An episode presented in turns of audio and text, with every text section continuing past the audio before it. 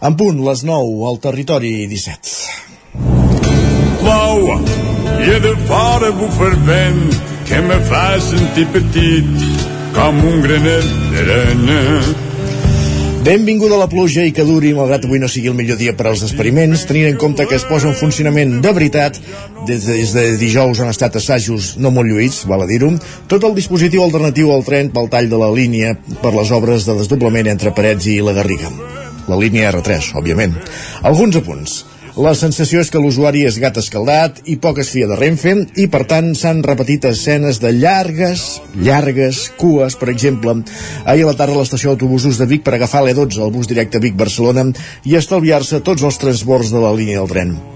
Conseqüència, per molt que reforci l'E12, és impossible engolir tota la demanda. També és notòria la desinformació dels usuaris. Només cal veure el vídeo que ha penjat aquest matí a Twitter el company Marc Güell de Catalunya Ràdio de l'estació de Centelles. El tren arriba a l'estació, els autobusos són a 500 metres, ningú coneix encara el circuit i els informadors no paren de repetir instruccions. A Centelles hi ha molts, però que molts autocars habilitats per Renfe per fer el trajecte fins a Mollet, directe operant a les estacions intermèdies i els feiners i en hores punta també el directe a Barcelona. Quin és el problema? Que moltes vegades els busos no concorden amb els trens i les esperes després perquè arribi el tren es fan eternes. Desajustos tot plegat que cal anar ajustant pel bé del servei, si no, aquests tres mesos llargs es faran eterns. És dilluns 16 d'octubre de 2023, el moment de començar el Territori 17 a la sintonia d'Ona Codinenca, la veu de Sant Joan, Ràdio Cardeu, Ràdio Vic, el 9 FM i també ens podeu veure, ja sabeu, a través de Twitch, YouTube, Televisió de Cardedeu, el 9 TV i la xarxa més. Territori 17.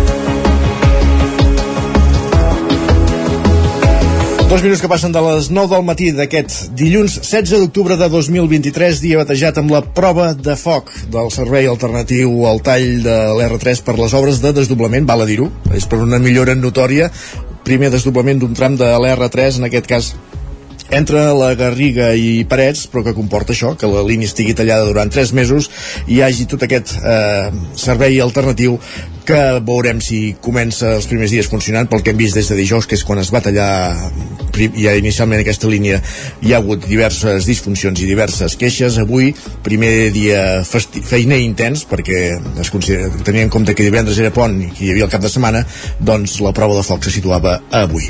De seguida anirem fins a l'estació de Vic, allà hi ha el nostre company Miquel Giol perquè ens expliqui l'última hora de què es troben els usuaris aquest matí a l'hora d'agafar el tren. Uh, en aquesta primera mitja hora, però, el que farem serà també aprofundir en les notícies de les nostres comarques, fer un cop d'ull a la previsió del temps. Tenim en Pep Costa content perquè arriben les primeres gotes de pluja. Val la pena tenir en compte que si encara no heu sortit de casa, agafeu el paraigües els que hagueu de fer-ho i de seguida en Pep Acosta també ens posa el dia de la informació meteorològica. I acabarem aquesta mitja hora passant per, aquesta primera mitja hora passant pel quiosc amb en Sergi Vives repassant les portades dels diaris del dia.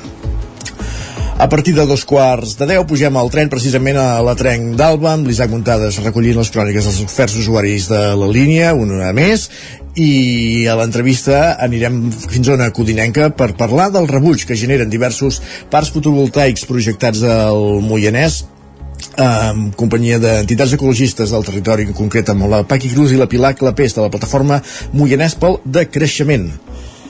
Uh, I com dèiem, també anirem fins a l'estació de Vic a parlar amb usuaris d'aquest servei de tren per veure com funcionen aquestes primeres hores al servei alternatiu al tall de l'R3 entre la Garriga i Parets. Arribarem a les 10, en aquella hora notícies, la previsió del temps i com cada dilluns a partir d'un quart d'onze, moment pels esports, per repassar com ha anat esportivament el cap de setmana pels equips de les nostres comarques i acabarem el programa endinsant-nos primer a Twitter i després amb la tertúlia esportiva, després un cap de setmana on no hi ha hagut jornada de Lliga de Primera, sí que n'hi ha hagut de, de segona, per això podrem parlar de l'Espanyol amb el Lluís de Planell, però ens posarem al dia de l'actualitat futbolística com cada setmana amb els nostres tertulians. I ara, sense més, ens posem en dansa, tot repassant les notícies més destacades de les nostres comarques, les notícies del Vallès Oriental, Osona, el Ripollès i el Moianès, les notícies del Territori 17. Territori 17.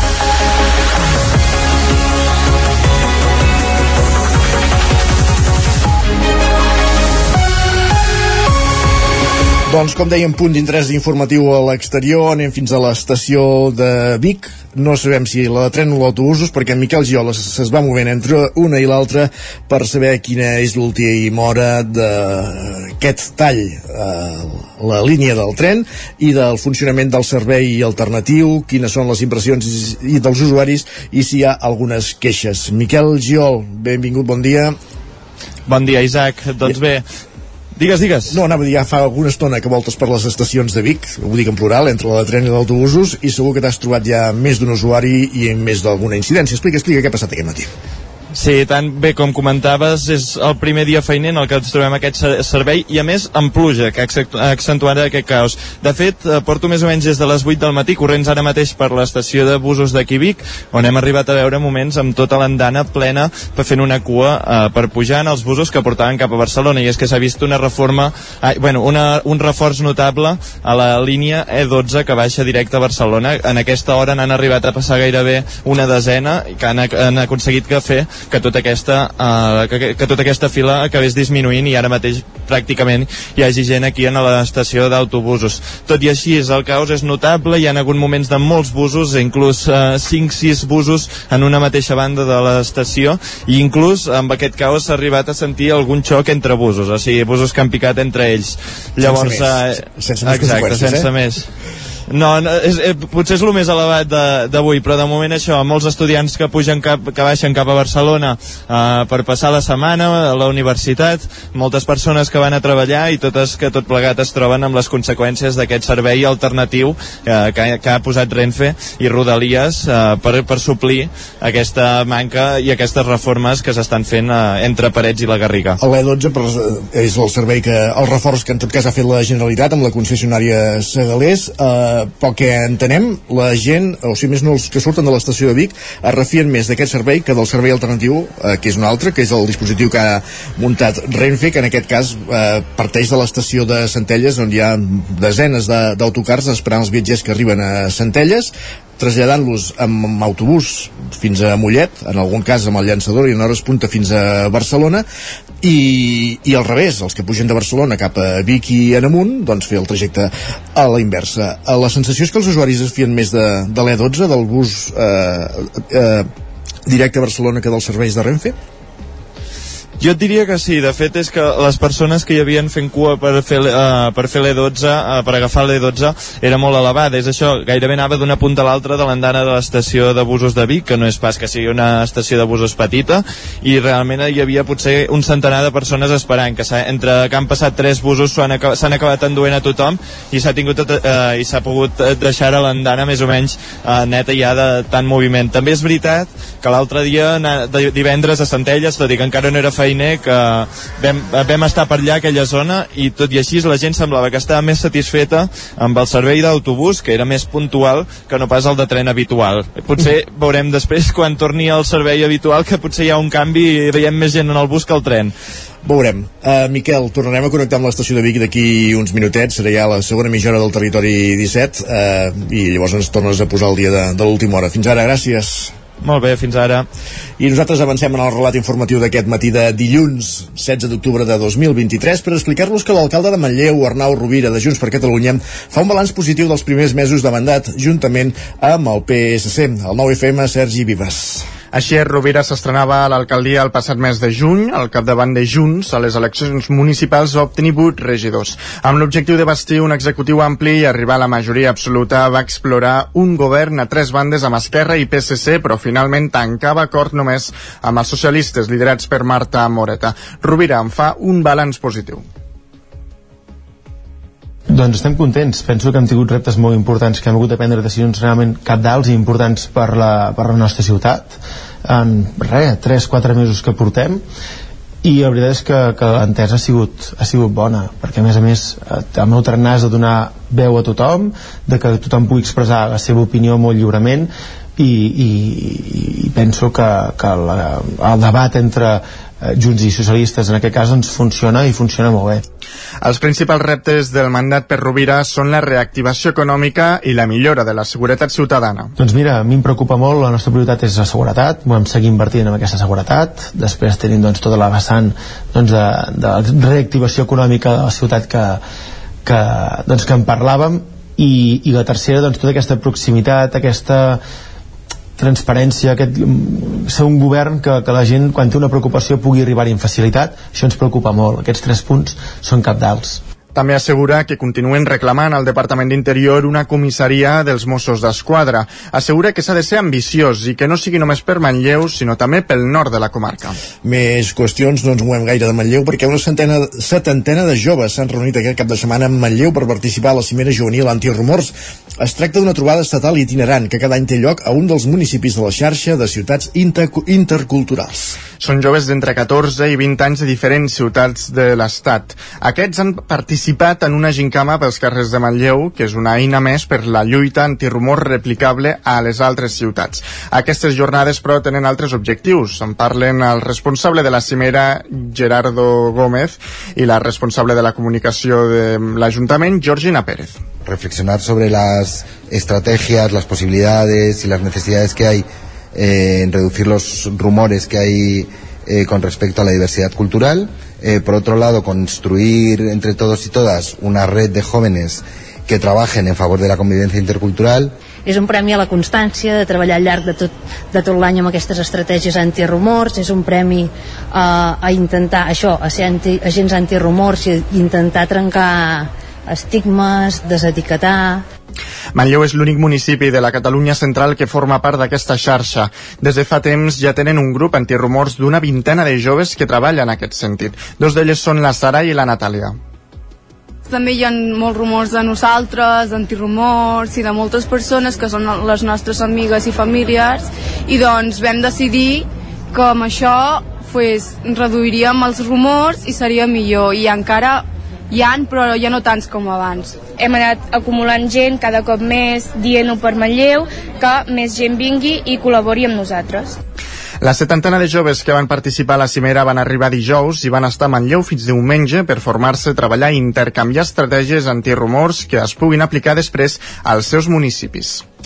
Més qüestions, gràcies Sergi. Anem cap a Ona Codinenca perquè el grup municipal independent de Junts per Sant Feliu de Codines, segona força en les darreres eleccions, registrarà dues renúncies de regidors en el proper ple, la de Lluís Fernández Vila i la de Nerea Valdevira Català. Roger Rams, Ona Codinenca.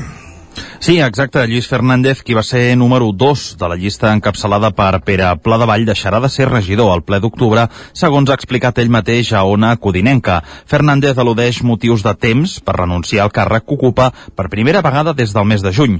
El regidor de Junts per Sant Feliu ha explicat que considera que cal fer una oposició en positiu i que per fer una tasca ben feta s'hi ha de ser.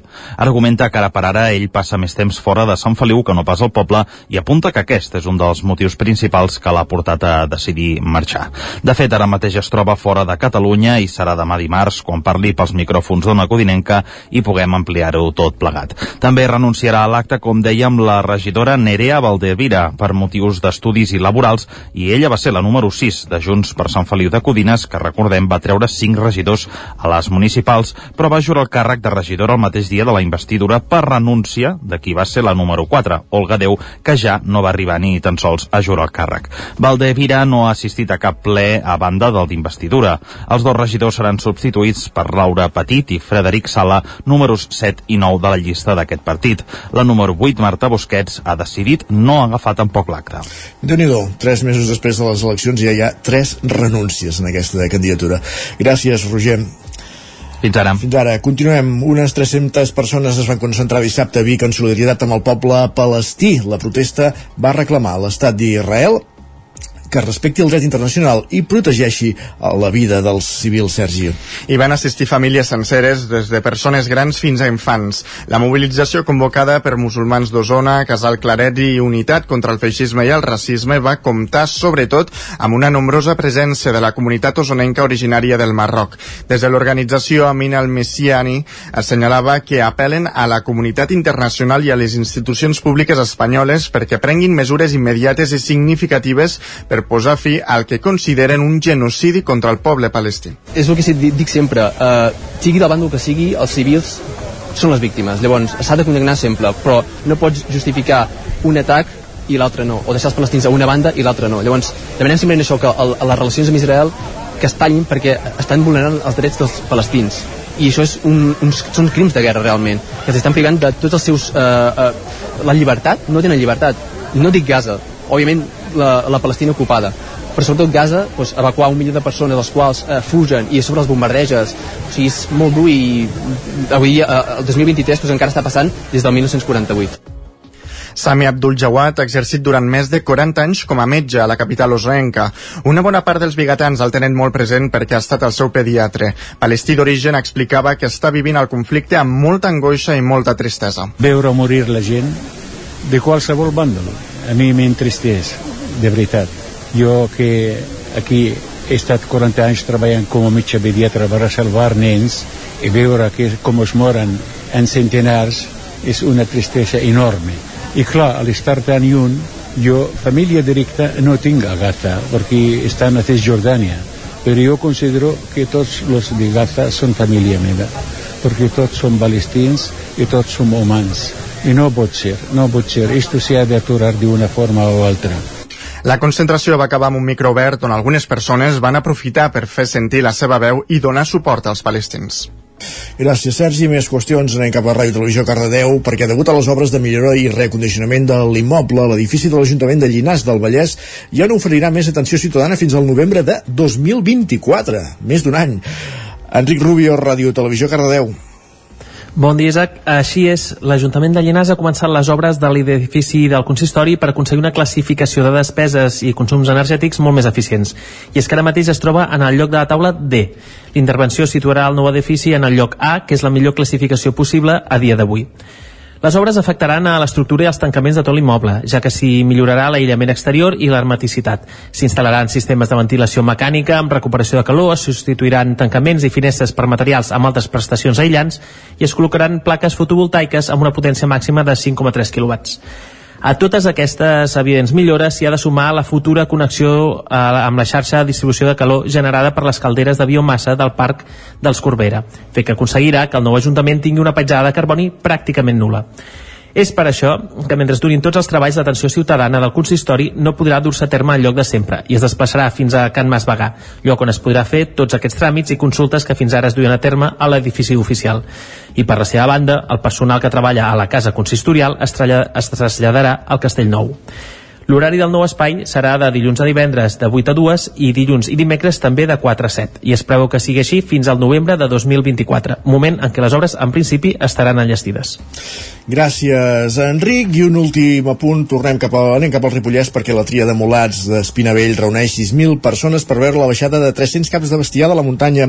Isaac Muntades, la veu de Sant Joan. Divendres, coincidint amb el 13 d'octubre, es va celebrar una nova edició de la tria de mulats d'Espinavell. Unes 6.000 persones van acostar fins a aquest nucli de Molló per veure baixar els sementals, les eugues i els pollins de la muntanya de Rojà fins a les planes d'Espinavell, després que els animals ja hagin pasturat durant l'estiu. En total, a la tria de mulats s'hi van aplegar uns 300 caps de bestiar de 14 explotacions, la majoria de Molló, però també de Camprodon i Llanàs. Entre els equins hi havia un 60% d'eugues i un 40% de pollins, a més d'una quinzena de sementals. Enguany el preu del pollí se situava entre els 600 i 800 euros, depenent de les característiques morfològiques de l'animal o si l'objectiu de comprar-lo era per engreix o recria, tal com explicava la presidenta de l'Associació de Criadors d'Eugues de Muntanya del Ripollès, Raquel Serrat. L'any passat els animals es pagaven a 800 euros o una mica més. El preu era més ajustat pels poltres que es venien, però amb l'augment de costos no hi ha tanta demanda. Serrat explicava quin és el cicle d'aquests equins. Avui a la tarda és quan se separaran les cries de les mares, perquè torni a començar doncs, el cicle natural, no? Les eugues ja baixen prenyades de, de la muntanya, o del mes de maig, juny, i un cop se separen les cries doncs, i baixen ells de la muntanya, doncs els animals es quedaran en prats o de veses més a prop dels pobles i de les nostres explotacions, i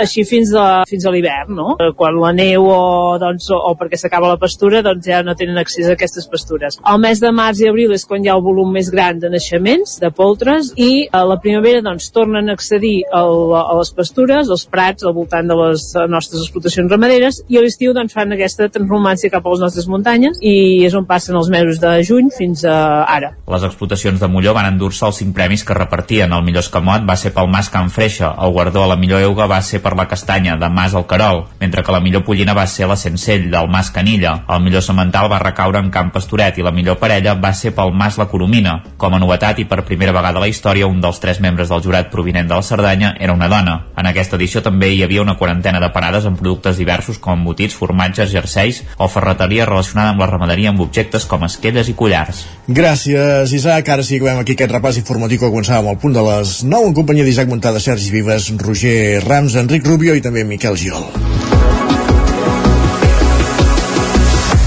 I ara, el moment més esperat, també. Temps pel temps.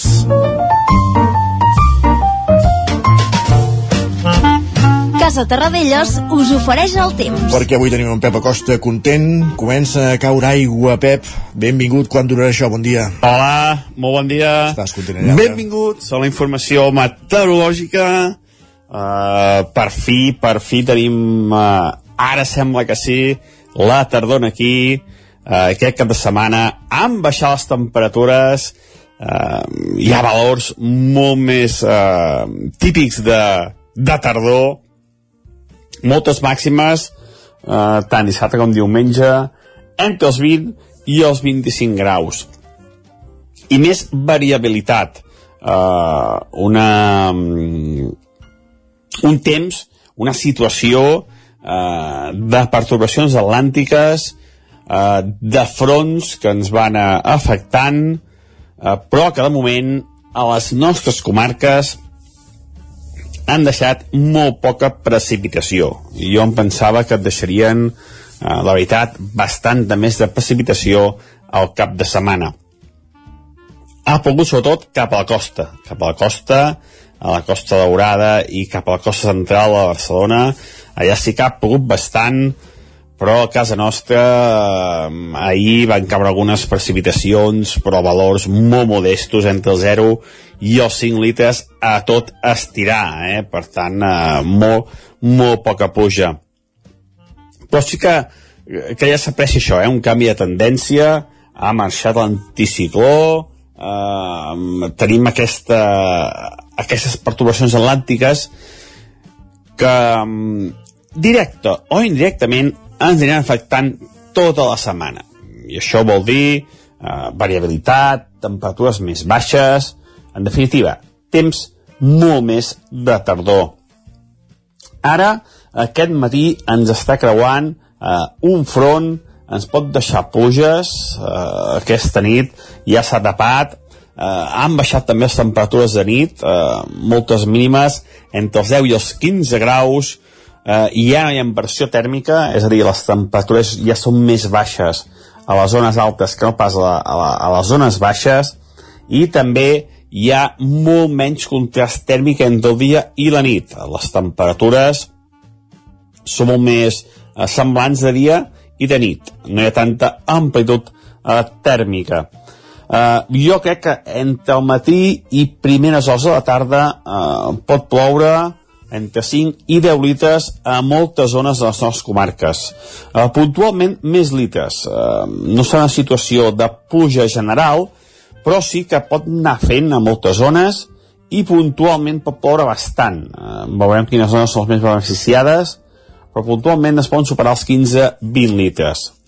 Avui un dia humit, un dia tapat i un dia en què veurem poc el sol. Això vol dir que les temperatures també pujaran poc. Els hi costarà molt arribar als 24-25 graus. Per tant, temperatures molt més normalitzades, temperatures molt més normals per l'època de l'any. I això és tot. Esperem que pugui ploure més del previst. Aviam si aquest front és més actiu i ens porta força puja, però per fi hi ha un canvi de tendència. Per fi podem dir que la tardor és aquí. Moltes gràcies, adeu. Gràcies a tu, Pep. Per fi, per fi, tot plegat. Va, parlem d'aquí una estoneta. Casa Tarradellas us ha ofert aquest espai. I ara anem ràpidament al quiosc, que si no farem salat, Sergi Vives, quines són les portades dels diaris del dia. Avui és dilluns, per tant, toca començar per les del 9-9. Així és, ens expliquen que augmenten els casos de malalties de transmissió sexual entre els joves d'Osona. Expliquen que la clamídia, la gonorrea i la sífilis són les tres infeccions més habituals, segons un estudi de la Diputació. També destaquen aquesta solidaritat des de Vic amb el, pobre, amb el poble palestí. Diuen que unes 300 persones es van concentrar dissabte a Vic per mostrar el seu suport al poble palestí. I al 9-9 del Vallès Oriental diuen que els professionals de la salut mental alerten de l'augment del risc d'intent de suïcidi. Expliquen que l'any passat es van fer 200, 208 activacions del Codi Risc de Suïcidi, 58 més que el 2021. També destaquen la festa modernista a la Garriga, expliquen que la població celebra les onzenes jornades modernistes amb èxit de participació i novetats com una passejada amb vestits d'època o un sopar d'embalat al passeig. I repassem ara portades catalanes. El punt avui encapçar la portada amb el titular Entre l'èpica i la realitat. Expliquen que Pedro Sánchez trama la pirueta per sumar Puigdemont a la governabilitat i evitar eleccions. Diuen que la lletra de l'amnistia busca l'equilibri entre desjudicialitzar l'1 d'octubre i passar el filtre del Tribunal Constitucional. El periòdico destaca la mobilització diplomàtica pels civils de Gaza. Expliquen que els Estats Units aconsegueixen que Egipte obri Rafah perquè l'entri l'ajuda i la Unió Europea demana a Israel que respecti el dret internacional. Diuen que l'ONU xifra en un milió els desplaçats. I la Vanguardia diu que els Estats Units intenten evitar per tots els mitjans l'extensió de la guerra. Expliquen que Blinken fa una gira maratoniana pels països àrabs mentre pressiona Israel perquè actui amb moderació i preservi els civils. I l'ara també destaca la diplomàcia per evitar que, els, que el conflicte s'estengui a la regió. Expliquen que els multipliquen els contactes entre els Estats Units, l'ONU i els països àrabs per rebaixar la tensió. Diuen que Netanyahu manté el dispositiu militar a punt, però l'ordre d'entrar a la franja s'endarrereix. Aquestes són les portades, almenys que trobem aquí a Catalunya. Oh. Uh, després d'aquest tour ràpid per les portades, repassem digital ràpidament, Sergi, edició d'Osona i el Ripollès del 99.cat. Doncs, com ens explicava l'Isaac Muntades, ens diuen que la tria de Mulat reuneix 6.000 persones a Espinavell. I a l'edició del Vallès Oriental? Doncs que el pla alternatiu de transport a l'R3 passa aquest dilluns doncs, la prova del. Molt bé. Vols un minut per repassar les, les espanyoles de portades? Ho fem després de la pausa, dos quarts? Fem-ho després. Doncs va, fem una petita pausa i tornem eh, amb més quios, fins ara mateix. Pausa i tornem aquí al Territori 17. El nou FM, la ràdio de casa, al 92.8. Amb Pradell estalvio energia i cuido la meva butxaca i el medi ambient. Posa't en mans a Pradell, són experts en calderes de gas i condensació, estufes de pèl·let, energia solar, terres radiants i geotèrmia.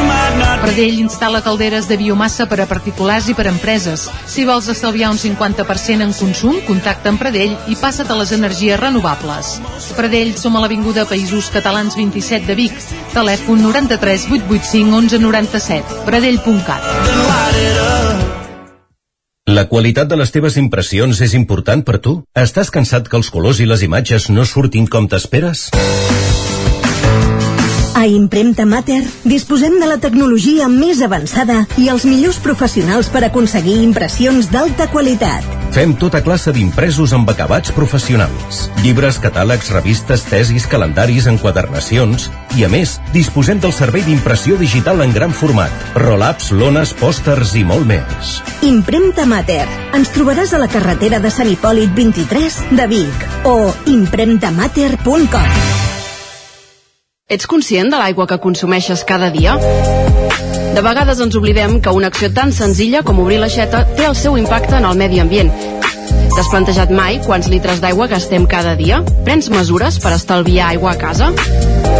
Trobaràs més informació pràctica amb motiu de l'alerta de sequera. Consulta-la a aigüesvic.com barra estalvi. Aigües Vic. Amb tu, clars com l'aigua. Per moure't, lloga un cotxe ALR. Per moure la família, lloga un minibús ALR. Per moure coses, lloga una furgoneta ALR. Per moure la casa, lloga un camió ALR. Lloguer de cotxes, furgonetes i camions ALR. Ens trobaràs al carrer Francesc Sant Climent 83 de Vic i també a Olot i Manresa. Informa't en el 93 888 60 57 o bé consulta el web alr.cat. Quan tingui un problema amb la seva caldera, vagi directament a la solució. Truqui sempre al servei tècnic oficial de Saunier Duval i despreocupis, perquè som fabricants i coneixem les nostres calderes peça a peça. I ara aconseguiu fins a 300 euros en canviar la caldera. Informeu-vos al 910 77 10 50 o a saunierduval.es. Ser a prop vol dir veure les coses més bé. Apropa't al que t'interessa amb la xarxa Més. la teva plataforma audiovisual de qualitat, proximitat i gratuïta. Gaudeix dels continguts de més de 30 televisions locals i podcast quan, com i on tu vulguis. Entra a la xarxa més.cat i descarrega't l'app. Cada dimarts a les 11 de la nit, al 9 FM, repàs de l'actualitat esportiva a la banqueta. El 9 FM. En punt dos quarts de 10 al territori 17.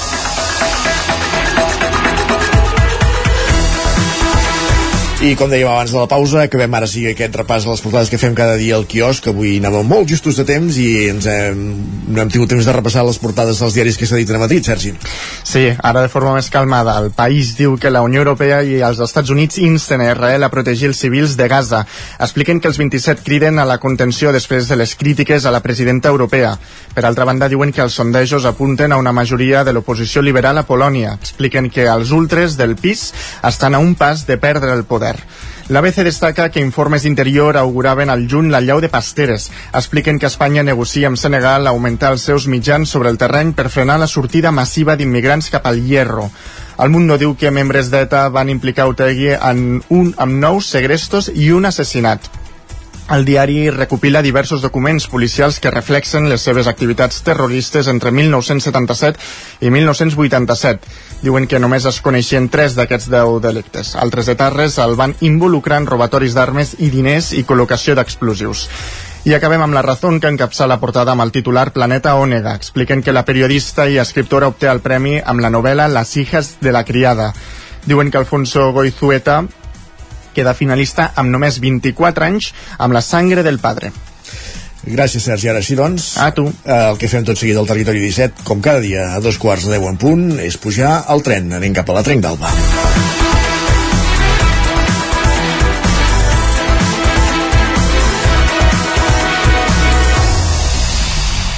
Territori 17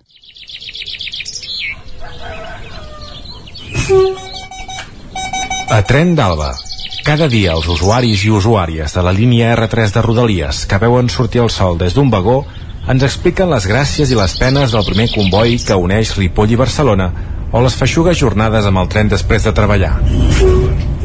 Benvinguts a Tren d'Alba. Avui ha estat el primer dia feiner després del pont en què els viatgers de l'R3 s'han hagut d'enfrontar al temut tall de la línia per les obres de desdoblament entre Parets del Vallès i la Garriga. La bona gent del col·lectiu perquè no ens fotin el tren ha fet una guia de supervivència amb totes les alternatives durant el tall, tant de rodalies com de les línies regulars de bus per desplaçar-se entre les poblacions per on passa l'R3. Ni territori ni rodalies ho han fet, i ells sí. Aquesta setmana us n'informarem. Comencem amb les alternatives a Ripoll. Hi ha el bus L22 de la Teissa, que també té parada a Montesquieu i Sant Quirze de Besora i que està integrat amb el PAC Ripollès-Barcelona de l'àrea metropolitana de Barcelona. I també us direm les de Vic, que n'hi ha dues, el bus E12 de Vic a Barcelona i el bus 406-407 entre Vic i Granollers. Demà més, però ara toca la crònica d'en Jordi Valls. Bon dia, sóc en Jordi de Centelles. Avui, amb el bus de les 6 i 20, hem arribat cap a les 7 i 10 a Sagrera, que seria més o menys l'hora que seria el tren de les 6.07 que passa per Centelles, que sempre arriba a 10 i a 11. La veritat és que quan he arribat a les 6 ja hi havia cua com per omplir un autobús. Per tant, possiblement algú s'haurà de plantejar, en comptes d'esperar a les 6 i 20, a les 6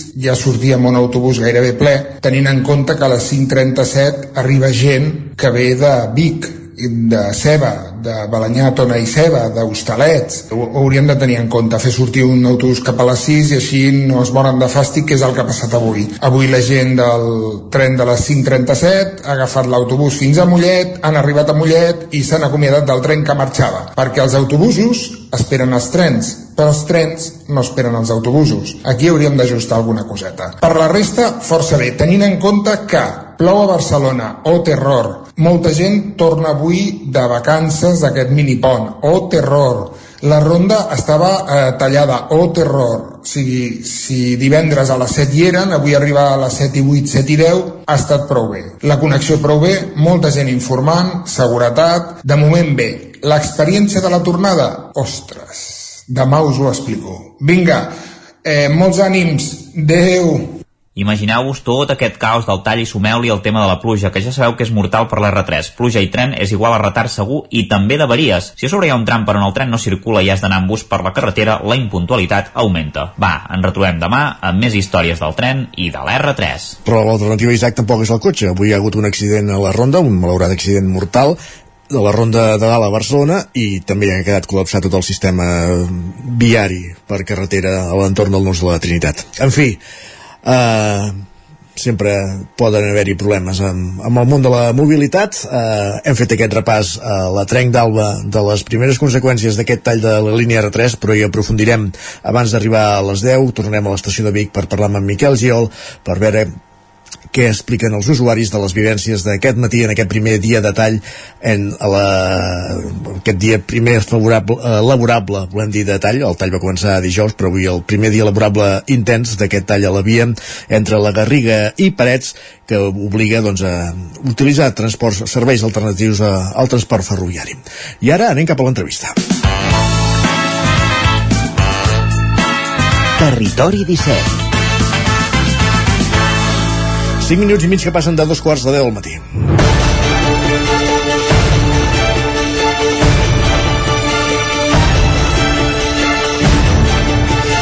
Avui a l'entrevista anem cap a una codinenca per parlar de parcs fotovoltaics i sostenibilitat i és que diferents entitats ecologistes del Moianès s'han unit per crear una nova plataforma amb el nom de Moianès pel Decreixement.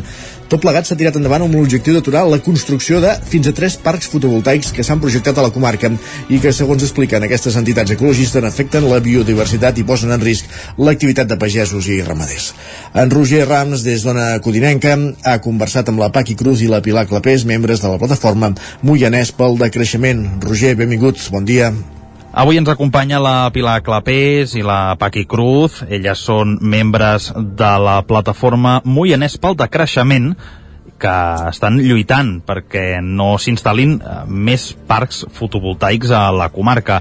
Les podem saludar a aquesta hora. Què tal? Primer de tot, eh, voldria que ens expliquéssiu una mica què és aquesta plataforma que heu anomenat Moianès pel Decreixement.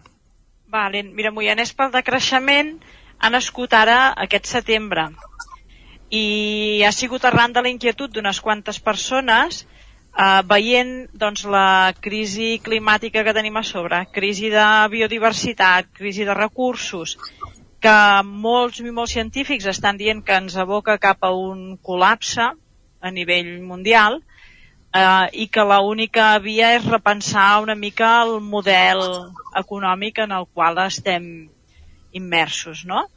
I ja hi ha molts grups a d'altres llocs que estan treballant el tema del decreixement i el Moianès encara no hi era. I bueno, vam fer una primera reunió que vam ser sis persones um, la primera setmana de setembre i ara en el grup ja som gairebé 40 vull dir que realment hem copsat que hi ha una inquietud de bastantes persones per aquest tema. Llavors el que, el que vam veure que podíem començar a treballar era el tema energètic n'hi haurà uh mhm. -huh. molts més, eh? perquè uh -huh. el tema aigua, tema alimentació, tema social, aquí hi ha feina per molta gent i per, per molt de temps. Uh -huh. Sou, si no m'equivoco, Paqui i Pilar, eh, de diverses entitats. Expliqueu-nos una mica com, com us heu unit.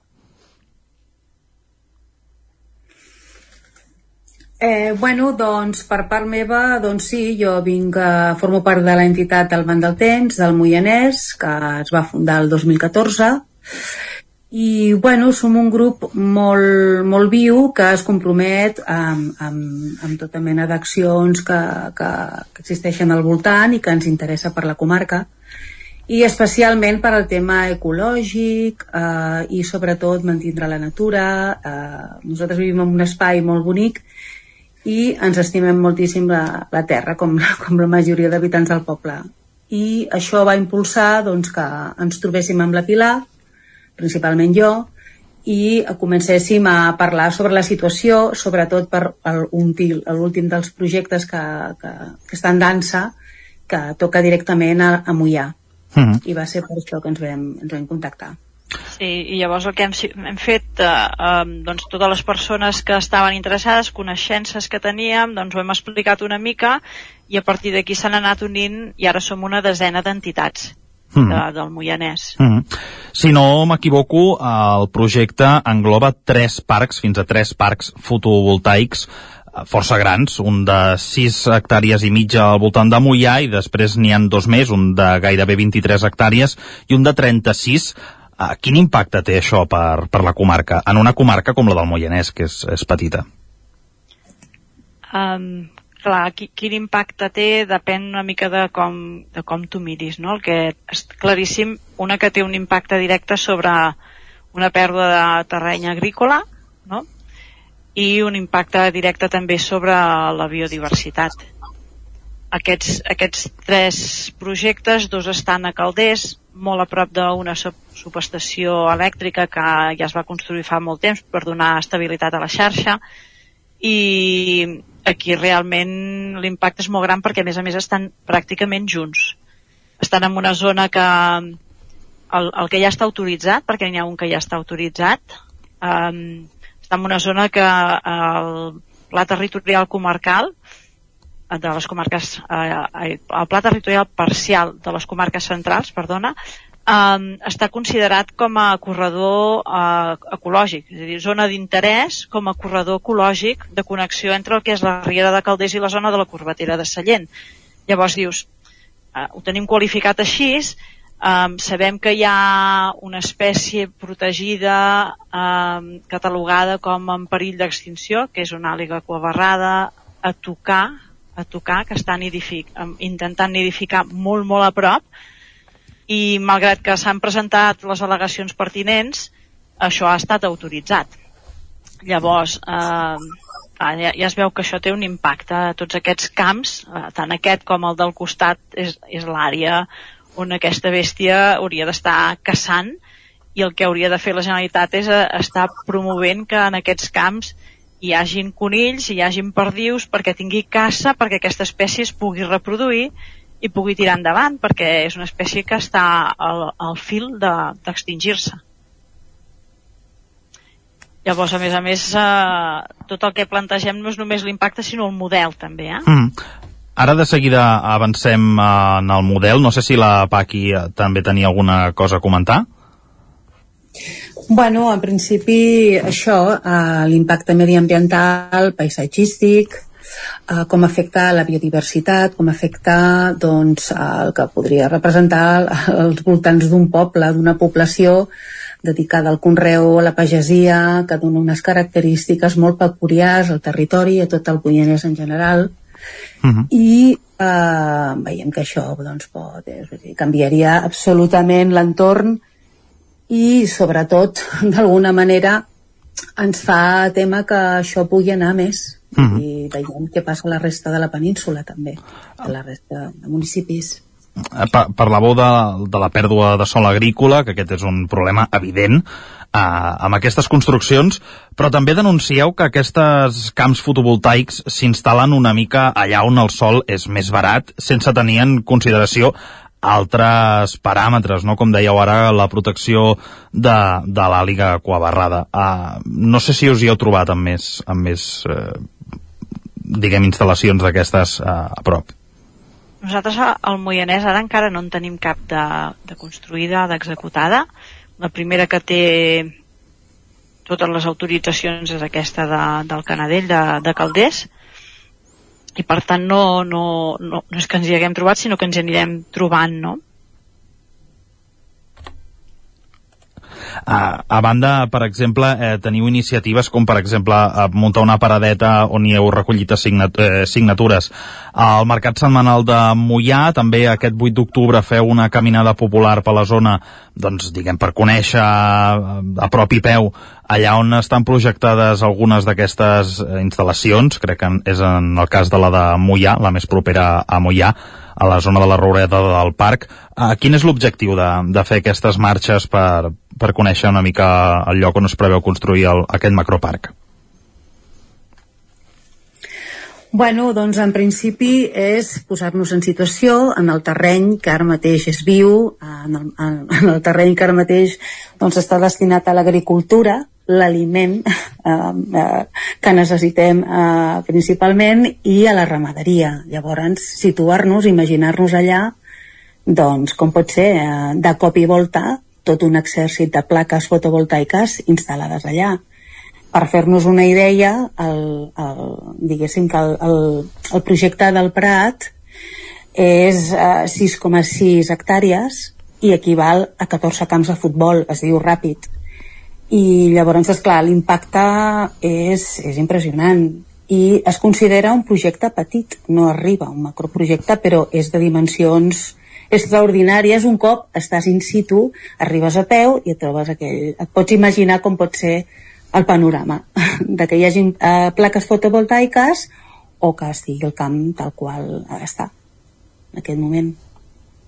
Llavors no sé si des de les vostres diverses entitats apostaríeu perquè aquestes plaques fotovoltaiques aquestes no, però amb un sistema similar, s'instal·lessin en llocs on realment no tinguin tant impacte com són taulades, equipaments públics... No sé quina és l'alternativa que, que plantegeu. D'entrada, la, la primera alternativa és reduir el consum d'energia de, a, tots, a tots nivells i després sí que aquella electricitat que necessitem produir-la el més proper del lloc del consum no? quan fa molts anys, molts anys els ecologistes defensàvem les energies alternatives, no renovables, justament el concepte era aquest, no? De, de la des, deslocalització que permetien aquest tipus d'energies que no cal que estiguin totes juntes en un mateix punt com, com les generacions actuals, no? perquè ara doncs, una central nuclear o una central tèrmica o una hidràulica més pot estar agrupat, no? però en canvi la, la solar i fins i tot la mini eòlica et permet eh, de la descentralització i per tant et permet eh, produir per les necessitats que hi ha en una zona i en, en el mateix lloc on es produeixen però en realitat el que s'està fent i, i pel que s'està apostant és per la inversió privada i per fer macroplantes en els terrenys on els hi és més econòmic i més fàcil de construir, que evidentment són els, els camps de conreu, no? i això és una mica una, un canvi de paradigma perquè eh, explica-li a algun pagès que volia fer un cobert en un camp doncs això no ho podia fer el, el propi pagès que tenia un, un camp que era seu um, com que allò era terreny uh, rústec, no podia construir potser un cobert que li feia falta per, per guardar el tractor, no? I ara, en canvi, venen empreses de fora um, i poden fer una instal·lació de, um, industrial de producció d'energia, perquè no deixa de ser això, no? Llavors és un canvi de, de paradigma molt bèstia i que s'entén que en part hi hagi um, pagesos i propietaris que, que, que caiguin en la tentació, no? perquè el que els hi paguen de lloguer és molt més del rendiment que traurien amb la collita d'aquell camp i més ara amb aquest uh, context de, de sequera que tenim no? i de canvi climàtic. Mm -hmm. Està clar, doncs eh, Pilar, Paqui, membres de Moianès pel decreixement, aquesta plataforma que us heu unit per lluitar contra aquests projectes de macroparcs fotovoltaics a la comarca del Moianès, gràcies per passar avui pels micròfons d'Ona Codinenca i anirem seguint de prop l'evolució d'aquests projectes. Moltes gràcies. Gràcies. Gràcies a vosaltres per donar-nos oportunitat de parlar. Gràcies, per tant, també, Roger, per aquesta entrevista, per conèixer aquesta inquietud d'aquest col·lectiu que s'ha constituït a, al Moianès. Moianès pel decreixement. Tot seguit parlem del tren, altre cop aquí al Territori 17.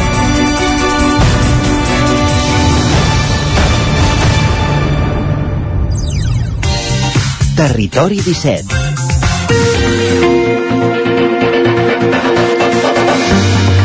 Parlem del tren perquè ja ho hem explicat des de primera hora en aquest programa. Avui és la prova de foc, tot i que el tall a la línia R3 entre la Garriga i Parets es va eh, dur a terme el passat dijous. Avui és el primer dia de forta intensitat en aquesta línia per això hem desplaçat a Miquel Giol a l'estació de Vic, que es va movent entre les estacions de tren i d'autobusos, per veure quina és, eh, quina quin és el funcionament dels serveis alternatius, tant els que ha habilitat Renfe, eh, amb autobusos a partir de l'estació de Centelles i fins a Mollet, com els que ha disposat la Generalitat i la concessionària Segalés a la línia E12. Miquel Giol, benvingut de nou, bon dia. Hola, bon dia, Isaac. Doncs mira, com deies, ara estic aquí a l'estació de trens de Vic, ara sí, ara estic a la de trens, on eh, hi ha força tranquil·litat comparat amb la normalitat també. Avui es podria dir, podríem afegir que és un bon dia per agafar el tren, a banda de perquè és dia laboral i a Barcelona hi ha més caos, però també perquè a Barcelona, si mirem els mapes, hi han hagut accidents per a les eh, carreteres més concorregudes i, de fet, estan totes les carreteres principals col·lapsades. Per tant, dia important per agafar el tren. Tot i així, eh, continua la normalitat dels retards. Eh, ara d'aquí una miqueta parlarem amb una usuària que està a punt d'arribar aquí a Vic, que de fet havíem de contactar amb ella directament aquí, però per als retards no ha arribat i mirarem de tenir la via telefònica. La tenim al telèfon, però... si vols, eh? La, la tenim al telèfon. Doncs, uh, mira, doncs mira havíem parlat amb la Jordina Martínez uh, que ve des de, uh, des de bastant lluny uh, perquè cada dia ve tren fins a Vic a estudiar aquí a la universitat. Llavors, uh, a veure si, si ens sent. Jordina, bon dia. Hola, bon dia. Uh, com comentàvem, ets usuària freqüent de Rodalies. A on sols agafar el tren, perquè ens en fem una idea? Agafo el tren a Sabadell Nord, començo des d'allà amb l'R4 i llavors faig transbords fins a arribar aquí a Vic. Carai, Clar, perquè avui... Sí, tant, és, és una aventura. Perquè és això, avui, si no m'equivoco, havíem, eh, havies de començar classe a les 9 del, del matí, però continues a Centelles esperant on has arribat amb el bus eh, agafa, eh, per agafar el tren. Eh, com ha anat tot plegat? Quina és la situació amb la que t'has trobat avui? Quan he agafat l'R4, que normalment va sempre a puntual, a no sé que hi hagi una incidència molt gran, doncs he arribat a Torre que és on faig el transbord, i a l'R3 ja anava amb retard, que era el que em portava fins a Mollet, que és des d'on està tallat el, les vies. Llavors a Mollet eh, he arribat 15 minuts tard, he hagut d'agafar l'autobús que he perdut el davant, llavors he hagut d'agafar un més tard, i es veu que l'autobús ha tingut bastants problemes, no ha parat tampoc a les parades que havia de, pa de parar, els de la Garriga no sé si han pogut agafar l'autobús perquè no ha parat allà, i ha anat directament a Centelles i ara estem aquí a Centelles, que el tren havia de passar a I42 i són I50 i seguim aquí esperant. I ha arribat un altre bus amb més gent i està la via patant. Per tant, Jordina, si no ho entes malament, tu has agafat un dels autobusos que sortia de Mollet, perquè si no tinc mal entès, surten dos tipus d'autobús de Mollet cap a Centelles, un que va, uns que van directes, eh, Centelles, Mollet, Mollet, Centelles, i d'altres que paren eh, als pobles on hi ha estació perquè també han de recollir eh, aquests usuaris. Sí. Ens deies que el teu havia de parar i no ha parat.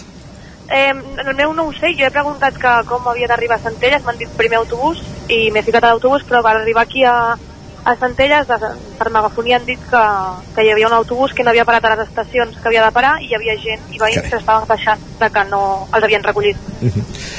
I ara aquí hi ha molta gent Perquè... a l'estació de Centelles esperant aquest tren de tornada sí, cap a Vic? Sí, estem a l'autobús que ha passat, o sigui que hem arribat ahir quart i ara ha arribat a l'autobús que ha arribat ara ahir 45. Perquè, perquè, perquè Jordina, en comparació amb el que seria el servei normal de Renfe abans de que hi haguessin aquestes aturades, aquesta, aquest servei alternatiu de busos, eh, quina era la situació? Eh, eh, com, quin és el dia a dia comparat amb la Renfe i en, en comparació amb avui? A veure, la Renfe, normalment la, el Rodalies 3 sempre va tard, no hi ha dia que arribi a classe puntual, però avui ja és exagerat, vull dir, havia d'arribar a classe com a molt tard a les eh, 9 i quart i són les 9.50 i segueixo a, a l'estació, vull dir. Perquè aquí a Centelles quina és la situació generalment? A banda de la gent que comentaves que hi ha, hi ha gaire caos amb els busos, hi ha eh, molt moviment o com està tot plegat? Hi ha bastanta gent que tampoc sap cap a on anar, però hi ha molts personals que ens estan guiant i les persones tampoc tenen gaire idea de quan arriba el tren i a quina via li toquen i res, preguntem i diuen que no ho saben, que estiguem a temps de megafonia. Hi ha informadors, eh, el que sí que és cert és que ja des del primer dia hem vist queixes que els autobusos de Centelles no paren a l'estació, paren a uns 4 o 500 metres, cal pujar fins a aquesta estació. Eh, és intuïtiu l'arribada a l'estació o sort dels informadors? Jo he hagut de preguntar, si no vas trobant com a personetes eh, que et van dient per aquí dalt o però si pots preguntar perfectament, això sí. El que passa és que com et deixa a diferent distància, si havies d'agafar el tren a d'I12 i has arribat a I10, doncs no arribes al tren i al tren. Doncs les vicissituds en aquest primer dia de, de servei de la línia R3 de, de Rodalies, eh, Jordina, no teniu cap informació de quan arribarà aquest tren que esteu esperant per arribar fins a Vic, eh? No, ara mateix no. Uh, Miquel, em comentaves abans que havies vist l'aplicació que estava previst perquè arribés a Vic a les 9.55, per tant això és impossible perquè encara no arriben des Centelles. Uh, sí. Hi ha alguna informació aquí a l'estació de Vic en aquesta línia? No, ara per ara no. Sí que és veritat que fa més o menys 20 minuts ha passat un tren direcció al Figaró eh, que sí que ha descarregat bastanta gent que venia més aviat del nord de Catalunya però tot i així ara per ara no hi ha cap informació els panells continuen posant Renfe Rodalies sense cap abans dels de, horaris de quina hora hi hauria la possibilitat d'arribar però tot i que teníem l'esperança aquesta de que arribés a temps doncs sembla que no serà possible perquè entre que ja normalment el, el tren va tard per si si has de fer combinació amb el bus i després tornar a agafar el tren doncs sembla i ho pot confirmar evidentment la Jordina que això no acaba de funcionar Jordina, moltíssimes gràcies pel teu testimoni i que acabi d'anar bé aquest matí, que puguis arribar a Vic. Ara ja, per ara, amb gairebé una hora de retard de classe, esperem que puguis arribar a classe. I... Gràcies. gràcies. Bon dia. Bon dia, adéu. Miquel, eh, mantenim aquesta connexió. Eh, el que et volia demanar és això. Eh, clar, sí, sí que és cert que eh, tot el que és eh, la logística de, de canvi de transport de tren a autobusos habilitats per Renfe és a Centelles, però a Vic també hi puja gent que, que opta pel tren per arribar a Barcelona que puja a Vic, haurà de baixar Centelles fer aquest transbordament amb autobús fins a Mollet. Eh, hi ha moviment a l'estació? Hi ha gent esperant un, un tren per baixar? Hi ha gent esperant un tren que pugi per pujar cap a, cap a la part nord d'Osona i cap al Ripollès i la Cerdanya?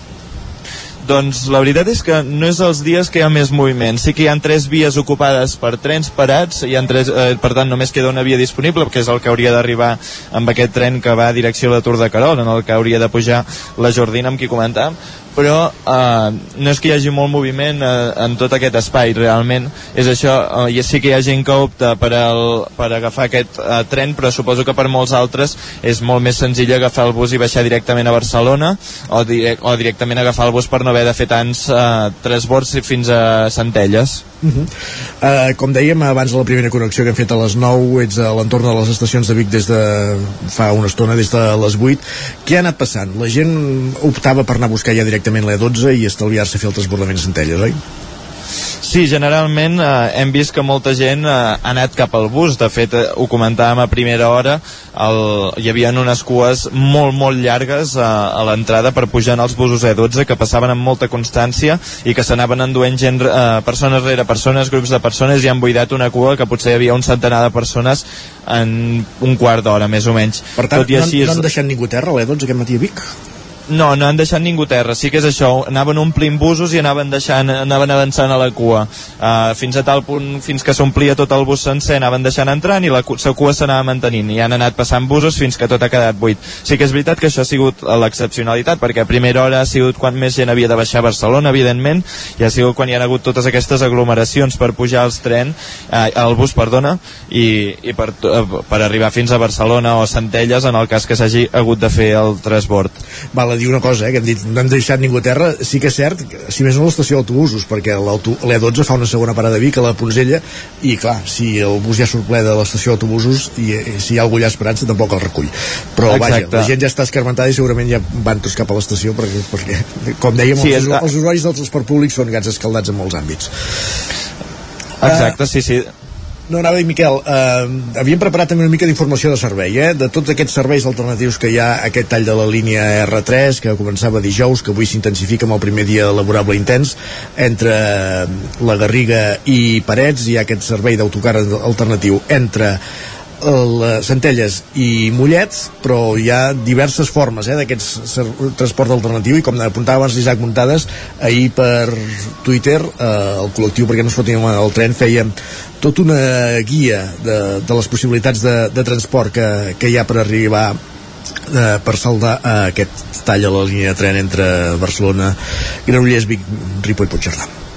Exacte, doncs uh, és això, un tall entre Parets i la Garriga que s'espera que duri fins al gener del 2024, entre 3 mesos, per començar aquest desdoblament que potser feia entre més de 40 anys que s'esperava. Amb aquest desdoblament es calcularia que els trajectes es reduirien més o menys en 20 minuts i per tot això, uh, per aquest pas, per passar aquest mal tràngol, per dir d'alguna forma, s'ha organitzat tota aquesta tropa d'autobusos com a servei alternatiu que en, en total han suposat, han costat uh, 13 milions d'euros, perquè ens en fem una idea, i és que només a Centelles que, van, que és un d'aquests punts més àlgids de tot el servei alternatiu, cada dia hi van rotant prop de 50 autobusos. Com funciona tot això? Aquests autobusos eh, funcionen de dilluns a divendres des de les 5 del matí eh, fins a un quart de dues de la matinada, sense horaris eh, concrets perquè s'adapten als trens que arriben i surten més o menys eh, cada 30 minuts. Llavors també tenim busos directes de Mollet a Centelles durant aquest octubre del 2023, busos directes de Parets del Vallès a Centelles eh, des del novembre fins al final de les obres, eh, busos que paren totes les estacions, a totes les estacions afectades des de Mollet fins a Centelles aquest octubre també, i llavors busos que paren a totes les estacions afectades des de Parets del Vallès fins a Centelles del novembre del 2023 fins a acabar les obres també. En quant al que fa directes, eh, en els autobusos directes també eh, són de dilluns a divendres a les hores punta, eh, de les 6 del matí a les 9 del matí dels dies feiners, que sortiran autobusos això de Centelles directes eh, de Centelles a, a, la, a Sagrera, eh, un servei que també s'oferirà eh, des de l'estació de la Garriga amb les mateixes condicions i molts, i molts experts eh, reconeixen que són, és una de les línies amb el pitjor funcionament i ara faltarà veure com acaba evolucionant i com acaba desencadenant-se tot amb aquest servei a més alternatiu, que ja si no, hi era un caos només amb tren, ho comentàvem abans, ara haver de combinar busos eh, i trens pot ser una combinació que a, a veure com surt tot plegat. Val a dir que aquest és el servei que ha habilitat Renfe, com dèiem, eh, ara hem repassat de dilluns a divendres, el cap de setmana també hi ha servei amb menys intensitat, però també n'hi ha, i com bé hem anat apuntant ja en aquestes connexions, una mesura alternativa és el, els autobusos de les línies regulars entre Vic i Barcelona, també entre Vic i Granollers, tal com recorden des de perquè no ens fotin el tren, i on és el cas del de l'E12 que com bé apuntava Miquel Giol aquest matí doncs s'han fet un tip de carregar passatgers a l'estació d'autobusos de Vic per anar directes cap a Barcelona i pel que hem pogut constatar a l'estació de Vic no hi ha quedat ningú a terra. Han anat passant autobusos, s'ha reforçat el servei i, i tothom ha pogut uh, utilitzar aquest transport si més no. Exacte, i si em permets, uh, de fet, eh, s'ha de recordar que la resta d'autobusos, les diferents línies segueixen funcionant, per tant també hi havia aquesta combinació de tots els E12 que sí que s'ha augmentat la freqüència com comentàvem, amb combinats amb, els, amb les línies freqüents que fan eh, la zona sud d'Osona que van baixant alguns fins a Granollers. Per tant també hi ha aquestes altres alternatives si no és en el cas de l'E12 i de totes aquestes eh, aquest, i, de, i de totes aquestes alternatives amb els busos i el servei alternatiu que s'ha muntat. Sí que s'ha de recordar això. Primer dia pluja, eh, primer dia laboral. Pluja i s'ha muntat tot plegat una miqueta un caos que en algun moment eh, semblava una miqueta exagerat. A l'estació de busos ara a l'estació de trens és, eh, hi ha un moviment molt més tranquil també perquè oh, queda tot la, més separat. la gent ja és de lloc a aquesta hora en teoria eh? ja són Sí, generalment. ja és les 10 del matí amb l'excepció per exemple de la Jordina amb qui parlàvem fa un moment que havia en un dia normal des de, faria una hora que seria a classe i ara està aturada a Centelles esperant un tren. No tenim novetats eh, d'aquest tren Miquel No, ara per ara no arriba res aquí a Vic, estic aquí a l'Andana uh, UI 3, vull dir que no, no arriba res de res, uh, llavors s'haurà veure com arriba. Però això, recordem, per qui no hi havia, que aquest caos que s'ha produït aquest matí inclús ha arribat a produir algun xoc entre autobusos, fluixet, evidentment, sense ferits, sense cap conseqüència més, alt, més alta, però déu nhi hi ha hagut aquí una miqueta de caos. Perfectíssim, Miquel Giol, eh, bona feina, ens ho has explicat des de les estacions primer de busos, ara de trens de Vic, i aquesta és una mica la situació en aquest primer dia de de serveis alternatius al tall de la línia R3 entre la Garriga i Parets del Vallès. Miquel, bon dia i fins la propera. Que vagi molt bé, bon dia.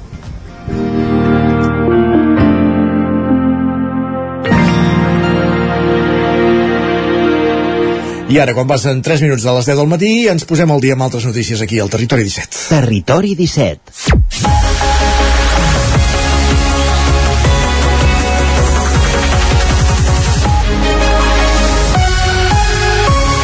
Perquè us hem d'explicar a aquesta hora, Sergi Vives, el 9FM, que Tona paralitza l'intercanvi de terrenys municipals per l'adquisició de la finca Cirera Berguedà.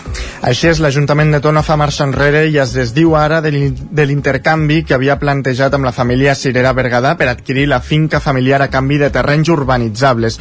O si més no, l'adquisició d'aquests terrenys privats no es farà a través del conveni presentat l'abril passat i que incloia la permuta amb solars municipals ubicats a la zona del Jalec, una zona que s'hauria de es requalifica primer al carrer Germana Victòria i d'altres a prop de l'institut. Així es va aprovar per unanimitat en el ple de dijous passat. Les queixes veïnals han estat el motiu de fer marxa enrere, segons l'alcalde Lluís Jas. Després de que es va fer públic, eh, es van començar a reunir veïns del sector del geler, ens van venir a veure que ells no volien perdre tot el que ells consideraven com a zona verda del seu espai, malgrat allà hi ha equipament i zona verda. Vam fer una reunió a finals de juliol i una primers de setembre i vam arribar a la conclusió que davant la forta oposició tant de veïns del sector de Gelé com una altra part afectada que era Germana Victòria doncs preferíem replantejar el tema L'Ajuntament es va plantejar la compra alegant l'oportunitat que significava l'adquisició del terreny en ple centre del poble, però sense un projecte d'ús clar. Sí que apunten, per exemple, que seria un bon emplaçament per fer una nova residència. No tothom ho veu així. Des de, de nou, des de Tona Avança, no consideren que la compra d'aquesta finca sigui una oportunitat clara pel poble, ja que de moment no hi ha un projecte concret per convertir en equipament municipal. També critiquen que el projecte era desproporcionat. Josep Salom. Si tu vols adquirir una finca eh, perquè tens una necessitat de fer un servei nou o d'un equipament nou o que sigui, pots estar-hi d'acord o no, però té una finalitat, no? Però adquirir una finca sense tenir cap ús previst per donar-li, eh, ens sembla una, una banalitat, no?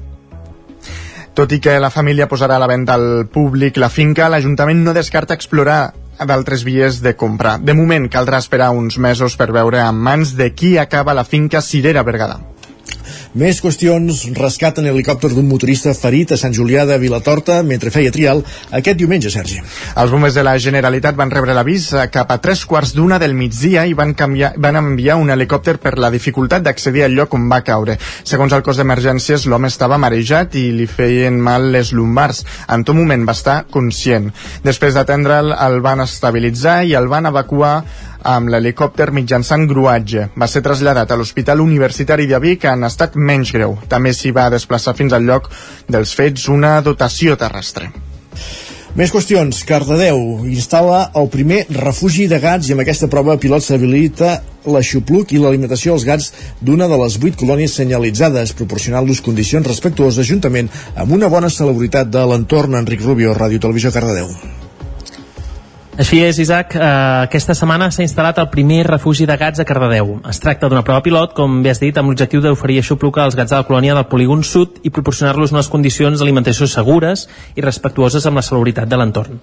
La brigada ha construït el refugi reutilitzant un antic contenidor de vidre amb la col·laboració de l'alumnat de l'IFE de Cura d'Animals i Plantes de l'Institut Pla Marcell i amb l'assessorament de l'entitat ProGat Sabadell.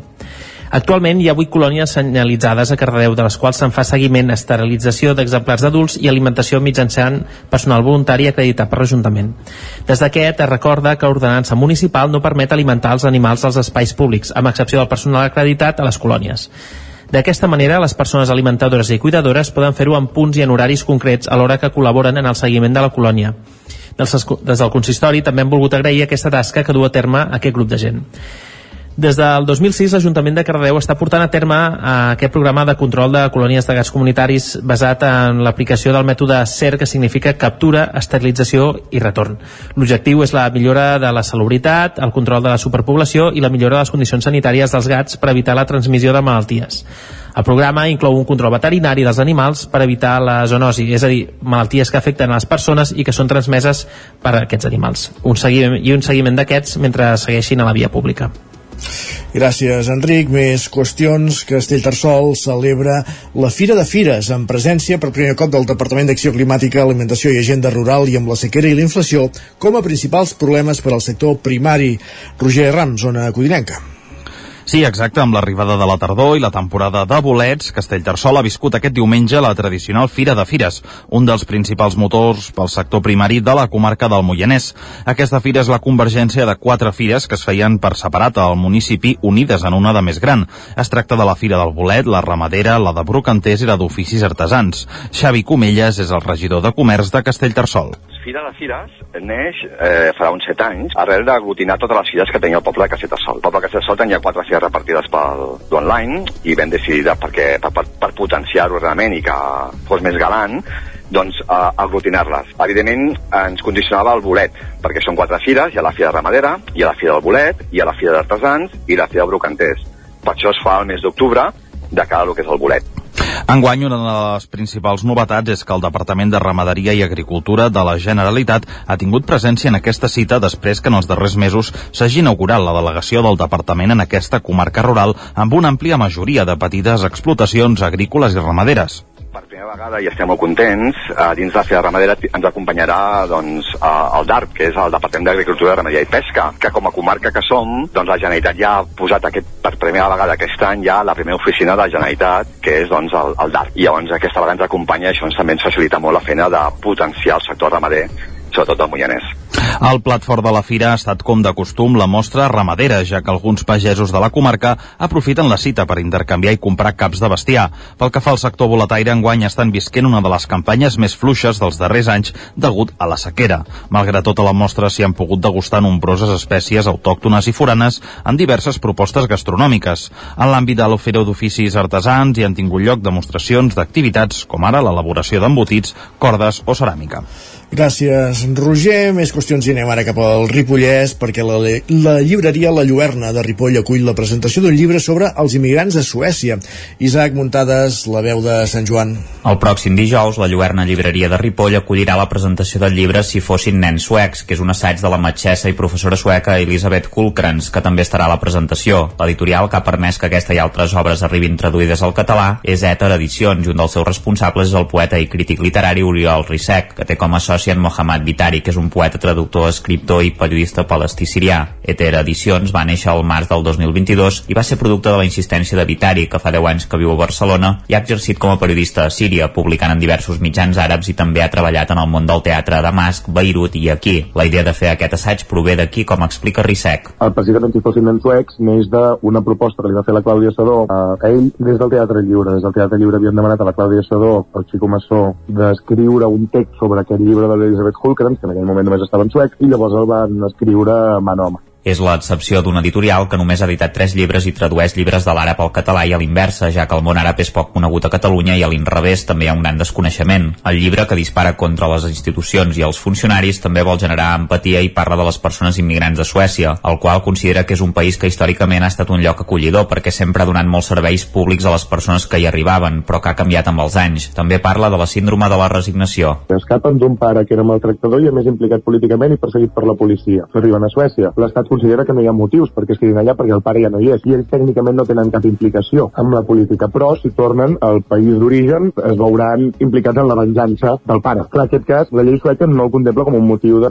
refugi i llavors s'emet una ordre de deportació que es donarà quan es doni. El menor o la menor que s'ha vist havent de protegir els adults de la família en situacions en què els adults de la família estaven completament indefensos i que havia vist que tenia una vida i esperances de futur a Suècia, a la que li reobre l'aixeta del trauma, comença amb una depressió, es nega a menjar, es nega a parlar, es nega a moure's fins que acaba en un coma, queden adormits. Això només se soluciona quan es produeix una estabilitat a través d'una residència permanent o de la unió d'una família que s'ha mantingut separada fins aleshores. Gràcies, Isaac. I un últim apunt per explicar que Avicultores Modernos, una de les bandes de referència del pop rock usonenc dels anys 80, ha editat un vinil on han remasteritzat els grans èxits de la seva carrera, Sergi. L'objectiu és deixar testimoni i retre homenatge al que va ser la seva trajectòria. D'això n'hem parlat amb, el, amb Marcel Carrera, el baixista, i en Nore, de la discogràfica Chesapeake trobar una mica això, el, el, el so que teníem, uh -huh. que era peculiar, més que un grans èxits. Una cosa maca de, de la reedició, crec, i que em va fer molta gràcia és que m'he trobat algun músic jove d'aquí a la comarca que, uh -huh. que no coneixia el grup, que, que l'ha escoltat i li ha sorprès que, que sona actual. Així doncs, així doncs, en aquest nou vinil es podran trobar els temes més representatius d'aquesta banda nascuda a Torelló i un d'ells és aquest Fils de Plata, un single que comptava en aquell moment, quan es va publicar l'any 83, amb un text d'un jove escriptor que es deia llavors Quim Monzó. per les masses enganyades, revolucions programades diumenges a la tarda.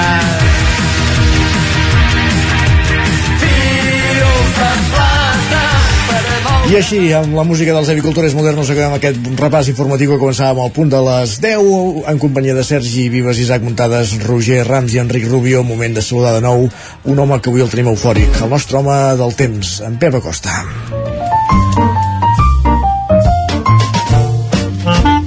Casa Terradellos us ofereix el temps. I està eufòric perquè encara que poc i amb poca intensitat comencem a veure aigua. Comença a ploure. Pep Acosta, benvingut, bon dia. Hola, molt bon dia. I avui què? Ara, aquest matí ens està creuant eh, un front, ens pot deixar pluges eh, aquesta nit, ja s'ha tapat, eh, han baixat també les temperatures de nit, eh, moltes mínimes, entre els 10 i els 15 graus, eh, i ja no hi ha inversió tèrmica, és a dir, les temperatures ja són més baixes a les zones altes que no pas a, la, a, la, a les zones baixes i també hi ha molt menys contrast tèrmic entre el dia i la nit. Les temperatures són molt més eh, semblants de dia i de nit. No hi ha tanta amplitud eh, tèrmica.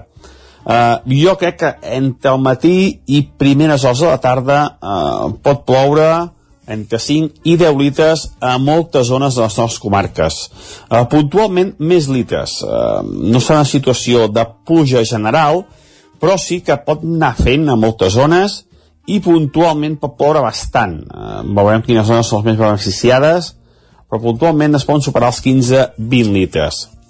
Avui un dia humit, un dia tapat i un dia en què veurem poc el sol. Això vol dir que les temperatures també pujaran poc. Els hi costarà molt arribar als 24-25 graus. Per tant, temperatures molt més normalitzades, temperatures molt més normals per l'època de l'any.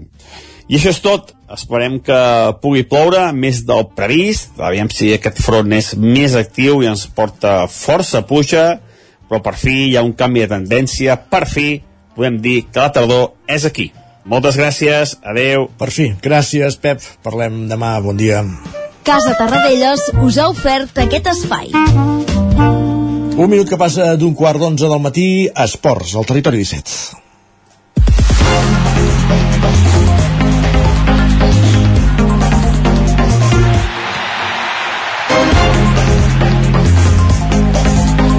Com cada dilluns a aquesta hora és moment de començar aquesta roda informativa per les diferents emissores del territori 17 per passar esportivament parlant que durant així el cap de setmana.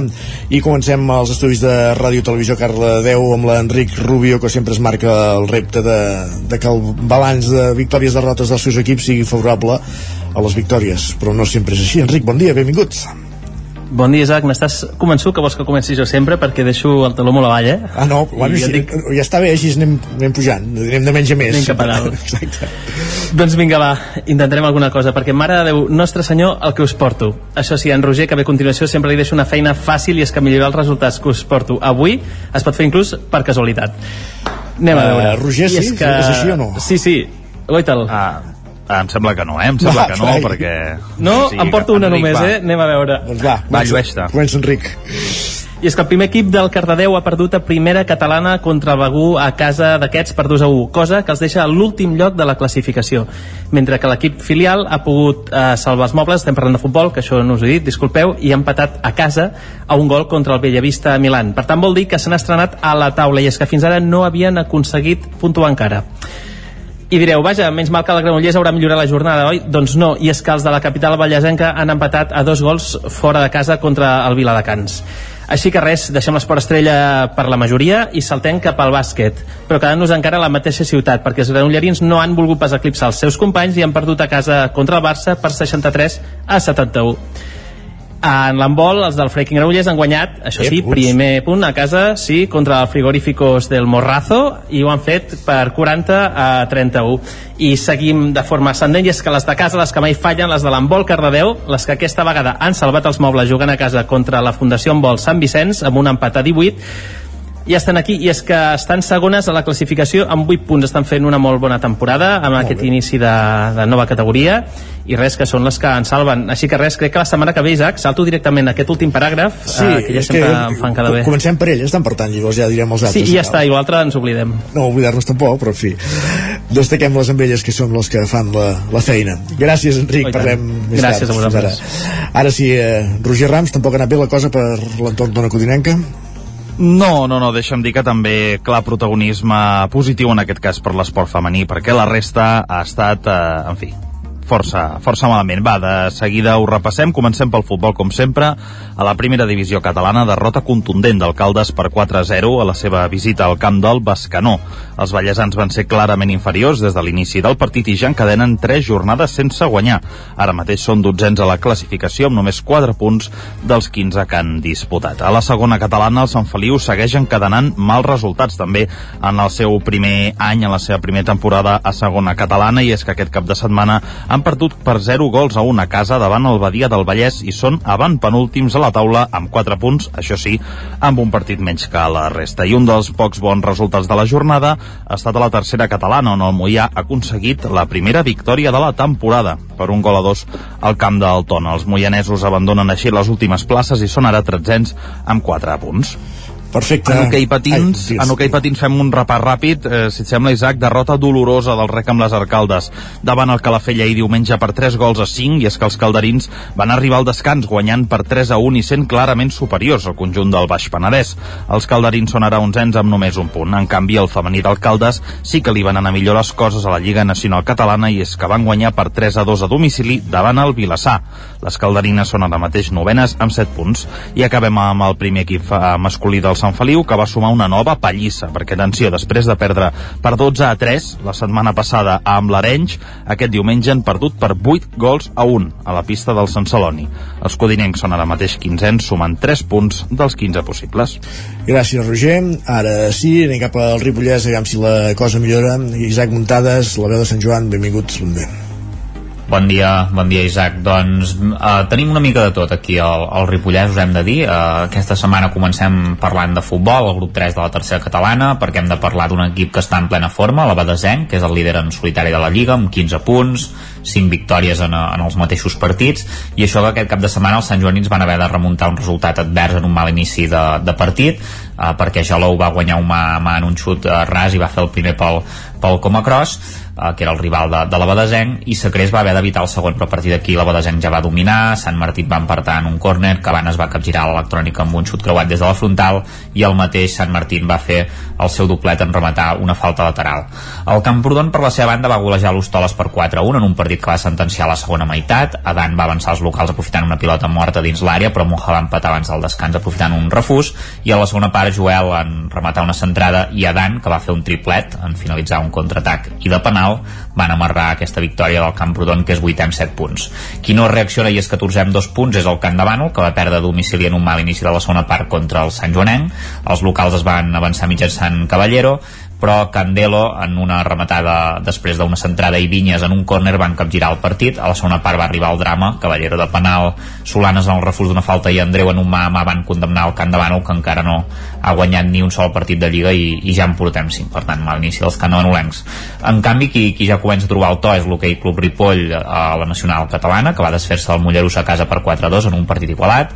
Uh, el descans hi va arribar amb empat a 0 a la segona meitat el Ripoll es va posar 4 a 1 Uh, però el Mollerussa doncs, va, va fer aquest 4-2 per maquillar una mica el marcador. Els gols els van fer Arnau per partida doble Monge a Paricio i ara mateix el Ripoll és vuitè a la Lliga amb 7 punts i cada cop està més lluny de la zona de descens.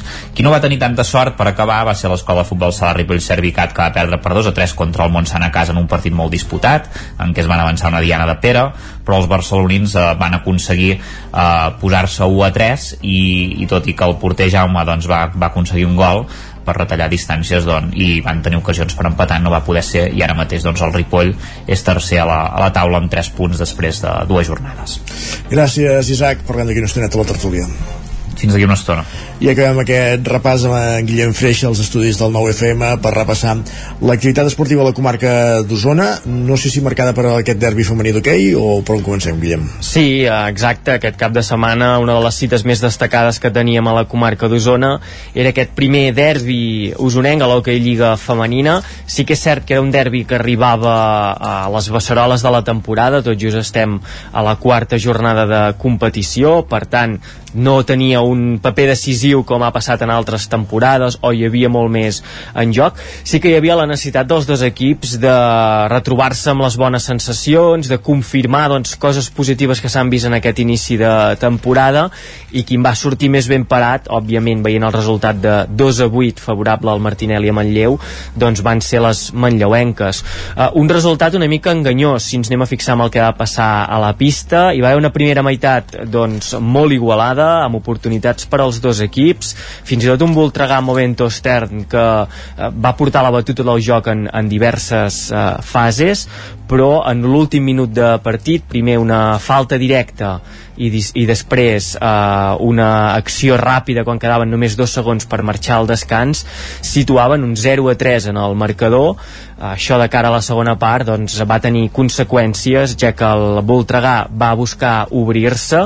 La jugada no li va sortir malament del tot perquè sí que és cert que va tenir diverses oportunitats de gol però va fallar la pólvora i en canvi el Martinelli a Manlleu amb aquest partit obert doncs també va disposar de moltes eh, arribades a la porteria eh, contrària i les manlleuenques eh, per la seva banda sí que van trobar l'encert necessari per anar fent caure els gols i, i aconseguir aquesta victòria àmplia, còmoda de 2 a 8 que els dona confiança això, eh, després d'un inici de temporada mm, no dolent, sinó amb, amb alguns dubtes, que faltava consolidar algunes, algunes coses, amb, amb peces molt noves, doncs el Martinet Manlleu li dona força.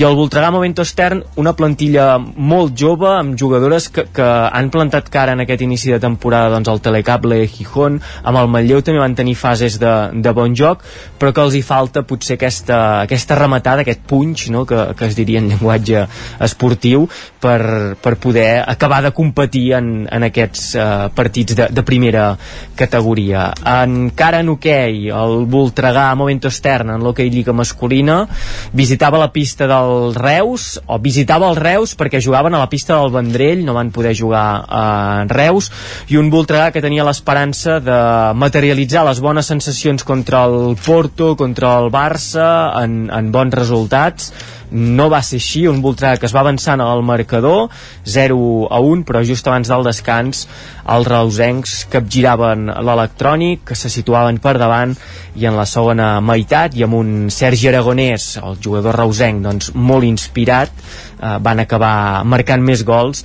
fins a aquest 5 a 3 eh, definitiu. Fem una pinzellada de futbol.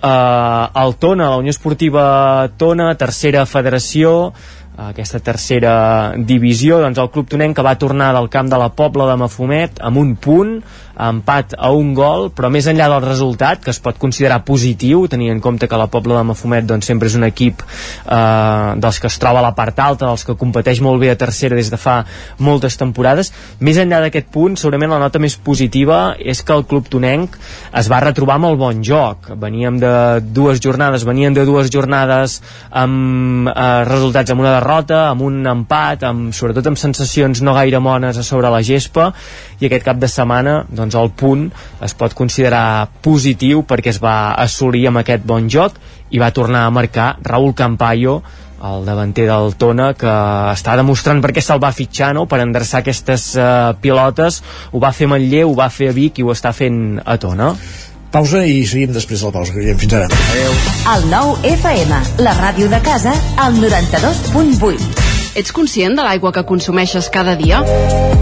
De vegades ens oblidem que una acció tan senzilla com obrir l'aixeta té el seu impacte en el medi ambient. T'has plantejat mai quants litres d'aigua gastem cada dia? Prens mesures per estalviar aigua a casa? Trobaràs més informació pràctica amb motiu de l'alerta de sequera. Consulta-la a aigüesvic.com barra estalvi. Aigües Vic. Amb tu, clars com l'aigua.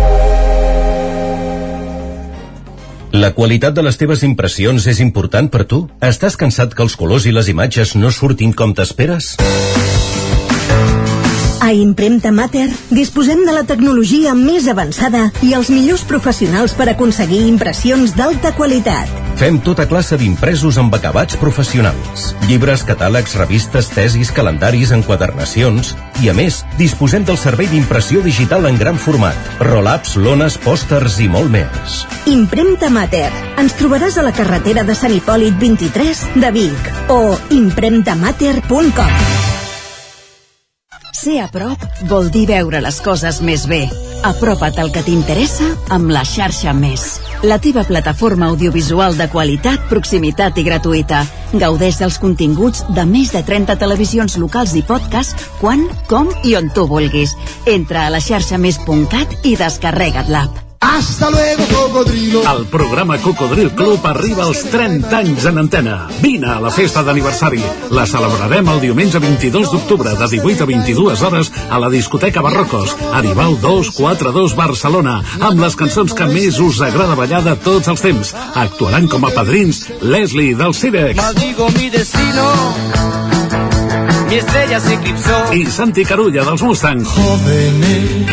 El diumenge 22 a partir de les 6 de la tarda a la discoteca Barrocos Aribau 242 de Barcelona 30 anys de ràdio 30 anys plens de bona música 30 anys de... Cocodril Club, el programa revival de l'Albert Malla. Hasta luego, cocodrilo. Cada dimarts a les 11 de la nit, al 9 FM, repàs de l'actualitat esportiva a la banqueta. T'imagines un programa de política, d'economia, feina... Doncs ja te'n pots oblidar. Quin tinglado! Un programa d'entreteniment, actualitat, cultura i molt rigorós. Amb Bata Serrat, Miquel Giol i Eudal Puig. Un programa que no passarà a la història i que tampoc guanyarà cap ondes. No ens flipem. Escolta'l cada dijous en directe de 8 a 9 del vespre al 9 FM. Ai, ai, ai, quin tinglado! El 9 FM, la ràdio de casa, al 92.8. En punt, dos quarts, doncs, al territori 17.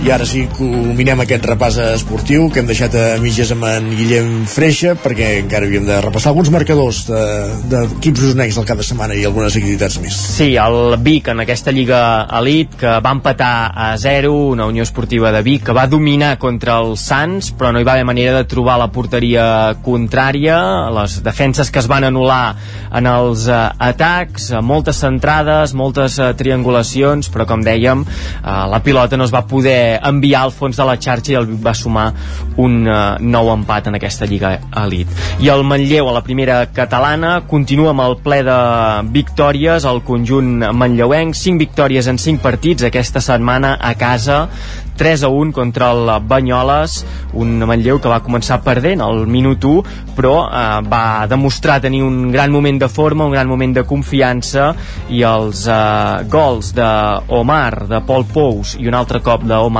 van donar la volta fins al 3 a 1 definitiu.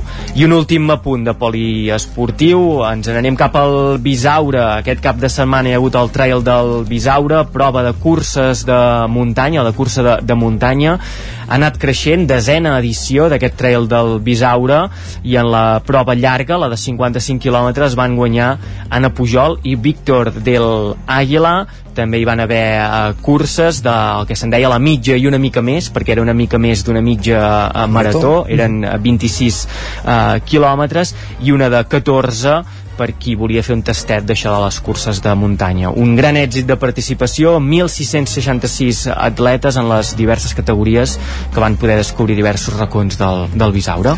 Perfectíssim, moltíssimes gràcies, Guillem. Adéu. Adéu. I ara, tot seguit, ens endinsem al món de Twitter. Territori 17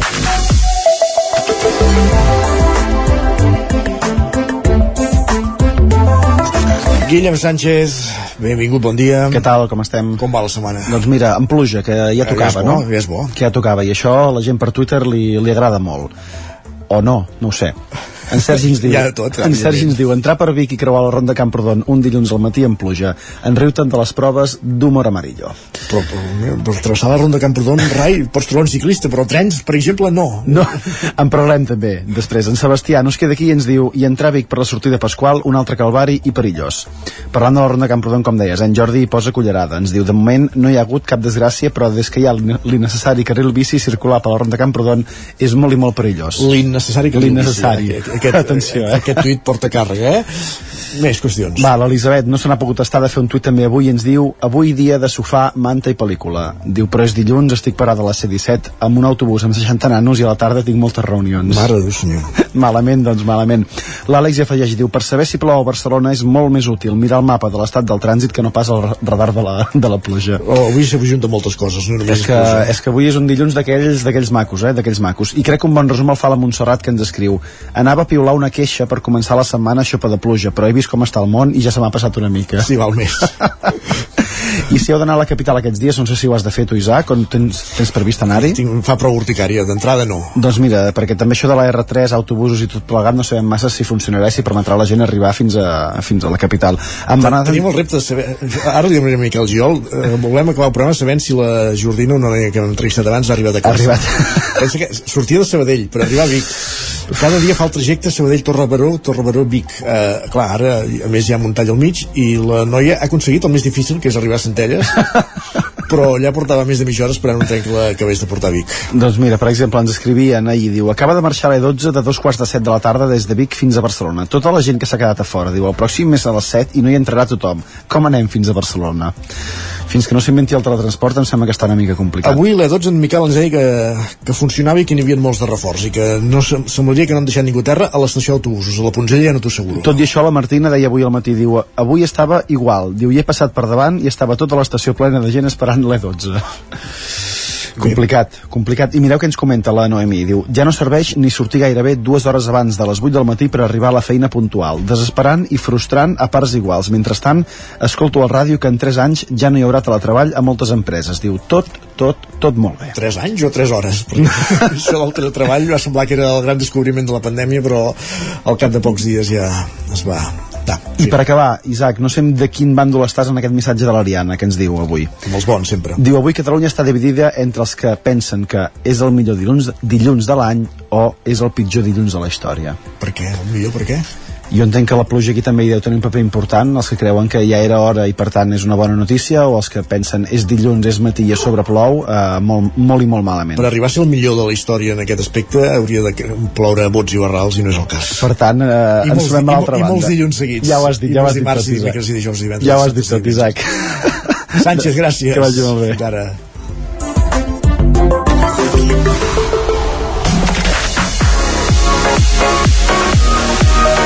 Territori 17.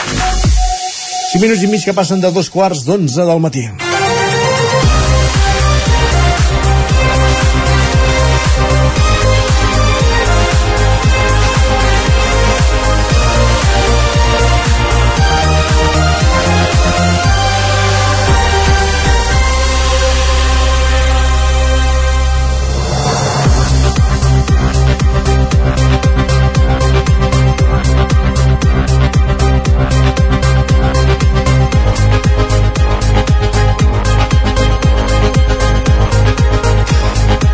Doncs temps de tertúlia esportiva al territori 17 per tancar el programa cada, de cada dilluns. Uh, avui en companyia de Lluís de Planell, que ja el tenim als estudis del 9FM, i també de l'Isaac Muntades des de la veu de Sant Joan. Benvinguts tots dos, bon dia.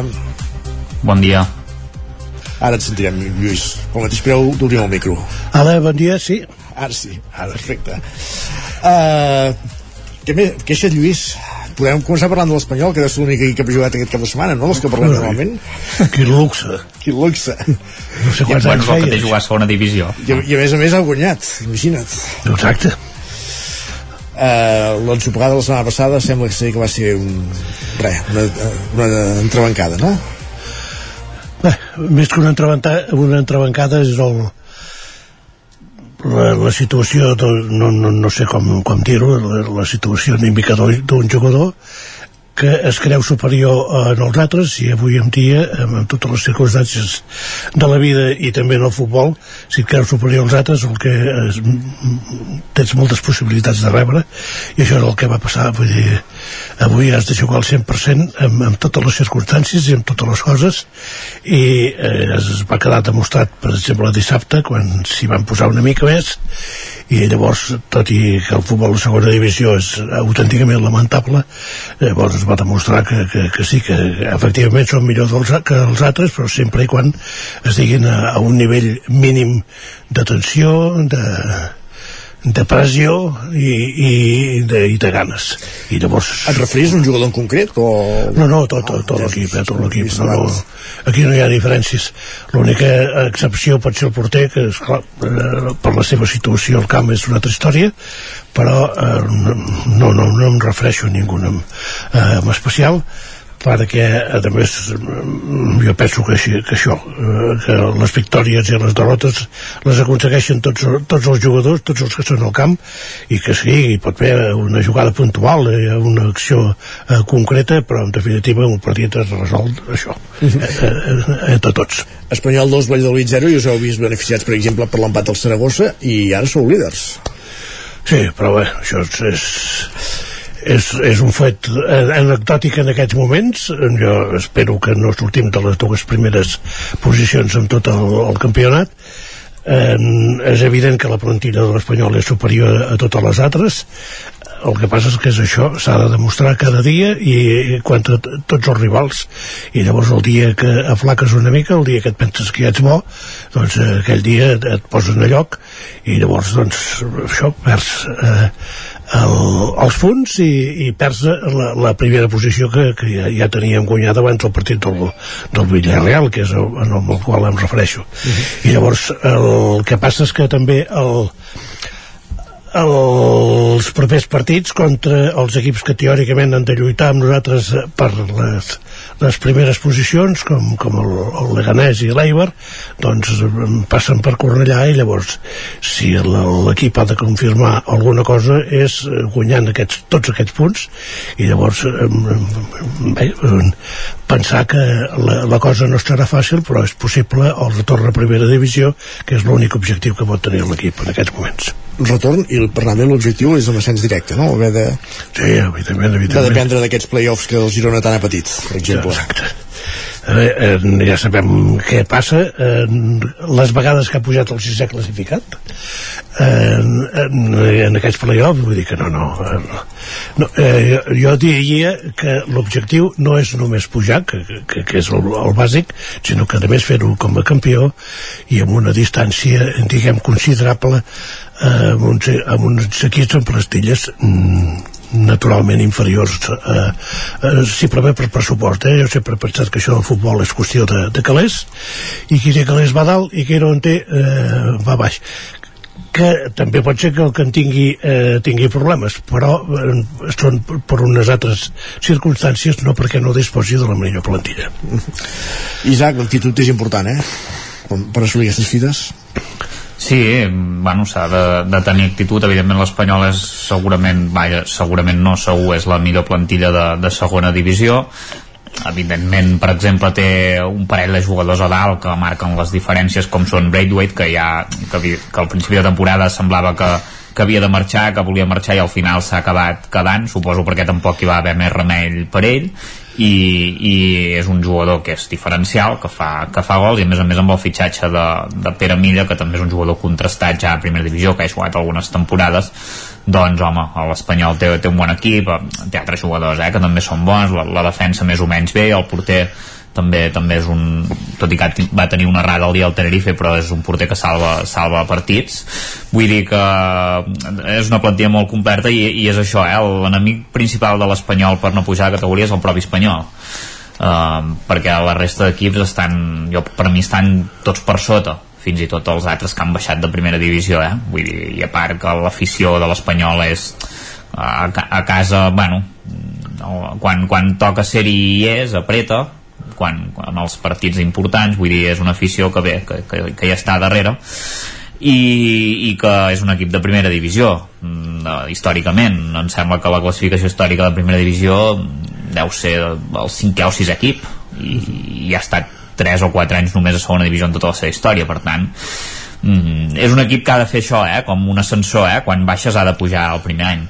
perquè si no et pot passar com bé sap en Lluís, com, com els hi passen a altres equips, com el Saragossa, que va baixar en el seu dia i ja han tornat a pujar, o com el Deportivo de la Corunya, que ara s'arrossega per segona, bueno, per la que seria la segona divisió B, la primera federació eh, actualment, i, i que em sembla que està en posicions de descens, fins i tot.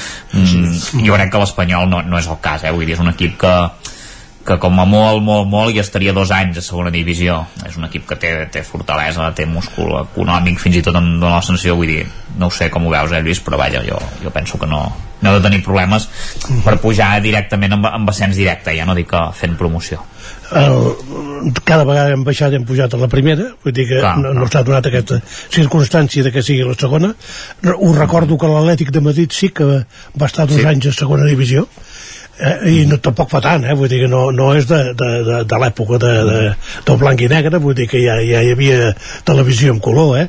vull dir que mm, les circumstàncies dels equips a vegades són, són, són molt especials, són, passen per situacions eh, que, que són difícils d'explicar i aquesta és la circumstància que es va trobar l'Espanyol en, en primer lloc amb la compra de eh, és que, aviam, aquí, aquí hauríem de, de, d'anar una mica més lluny. L'Espanyol era un club arruïnat. L'Espanyol era un club que tenia poca, poques opcions, fins i tot de seguir com a club, perquè les, la situació econòmica era, era desesperant. Tots sabem que la importància del, del el capítol eh, de, de socis i abonats en un club esportiu en aquests moments és relativament eh, important, o sigui, eh, millor dit, és molt poc important. Em penso que el mateix Barça deia que en el capítol de... i això quan era el nou camp encara, eh? vull dir que amb unes condicions diferents a les actuals, que els ingressos per socis i, i abonaments eh, eh, suposaven el 7% del pressupost. Per tant, vull dir que no, per, molta, per molt recolzament que tinguis al darrere, eh, vull dir, el, el capítol aquest de, de socis i abonats és una, una part mínima del, del pressupost. No oblidem que el, el Depor, quan ara l'esmentaves Isaac, el, el, el camp de Riazor fa un goig impressionant i és la primera federació. Vull dir que el, el, el públic de la Corunya continua eh, estant amb l'equip però no n'hi ha prou per això. Per tant l'Espanyol estava arruïnat va arribar en Cheng Yancheng i va aconseguir reflotar eh, amb una important més que important aportació de diners més de 100 milions d'euros i amb això eh, diguem es va fer un, un club sanejat. Una altra cosa és que llavors les persones que han arribat eh, a, a dirigir la nau hagin estat més o menys encertades. I en Catoira precisament, precisament que és el actual director esportiu de, del Valladolid que di, dissabte va jugar a Cornellà doncs va fer una, una tasca eh, horrorosa a l'Espanyol i, i no se'n va sortir de, de cap de les maneres i aquesta és una de les conseqüències de, de que les coses anessin malament abans Rufete doncs havia fet eh, exactament el mateix i ara sembla que, que, Garagarta. Garagarta aviam, aviam si tenim un secretari tècnic com cal que jo penso, i el Girona és un exemple que el secretari tècnic és gaire més, més important que l'entrenador si el deixen treballar, sí, no? Exacte, el que el deixi treballar, que s'imposi i que això, que faci la feina eh, que ha de fer, que ja dic que eh, Quique Cartel és un exemple de els, una bona part dels èxits del, del, del Girona, per exemple. Uh, com dèiem, no hi ha hagut jornada de primera uh, i aquesta aturada per seleccions s'ha acabat ja, i va haver-hi un partit ahir ja torna tothom a casa, representa ara encara queda algun partit? Isaac? No, no, queda tothom, tothom a casa, no? Sí. Ja està? Mm, ara estava, estava pensant, eh, però sí, crec que sí, perquè, per exemple, la selecció espanyola, que en aquesta aturada tenia dos partits, ja, ja va jugar l'última ahir a Oslo, i es va classificar amb, es, amb Escòcia. Els dos primers tenen 15 punts i Noruega en té 10 que era la tercera uh, classificada del grup i, i em sembla que sí que ja, ja està i ara només queda una última aturada que és més endavant. No recordo si el mes de novembre jo crec que és en, eh, el mes de novembre eh? en novembre, novembre finals de novembre, no ho sé però en tot cas juguen per exemple a la selecció espanyola li queden dos partits eh, en alguns n'hi queden un eh, bueno, és per acabar de, de classificar però les dues ja estan classificades perquè es classifiquen els dos primers d'aquest grup de 5 i, i després, és que és molt fàcil anar a l'Eurocopa ara, eh? vull dir no té res a veure amb abans, eh? que hi anaven 16 equips i les classificacions es classificava el primer i el segon eh, feien repesques els millors segons i el qui no passava no hi anava ara no, ara hi ha 24 equips com sabeu de fet no sé si s'ha ampliat inclús, però no ho sé, ara mateix desconec, eh? però em sembla que són 24 equips i clar 24 equips són 8 equips més que abans per tant vol dir que hi ha equips que teòricament eren poder no s'haguessin classificat mai per l'Eurocopa doncs es classificarien. De fet crec que Luxemburg està, està en una bona posició per classificar-se cosa que sembla una broma no? però, però no I, i Andorra? Aquest, Andorra no, Andorra Claro. l'última del seu grup em sembla o penúltima perquè està en un grup en què també hi ha Bielorússia crec o una cosa així que, tam que també és una selecció d'un nivell bastant inferior però vaja, Andorra em sembla que la vegada que va fer més punts a la seva història en va fer 5 o 6 que, que són molts eh, per Andorra però bueno, vull dir que no, no, no té opció Ampliaran fins que hi entri quan sospira, vull dir que... Sí, sí, bueno, perquè no, perquè no ha declarat la república independent, eh? però si no, sí, és, Bueno, tot i, és així, terrible. tot i així em conec alguna Catalunya que ho té complicat, eh?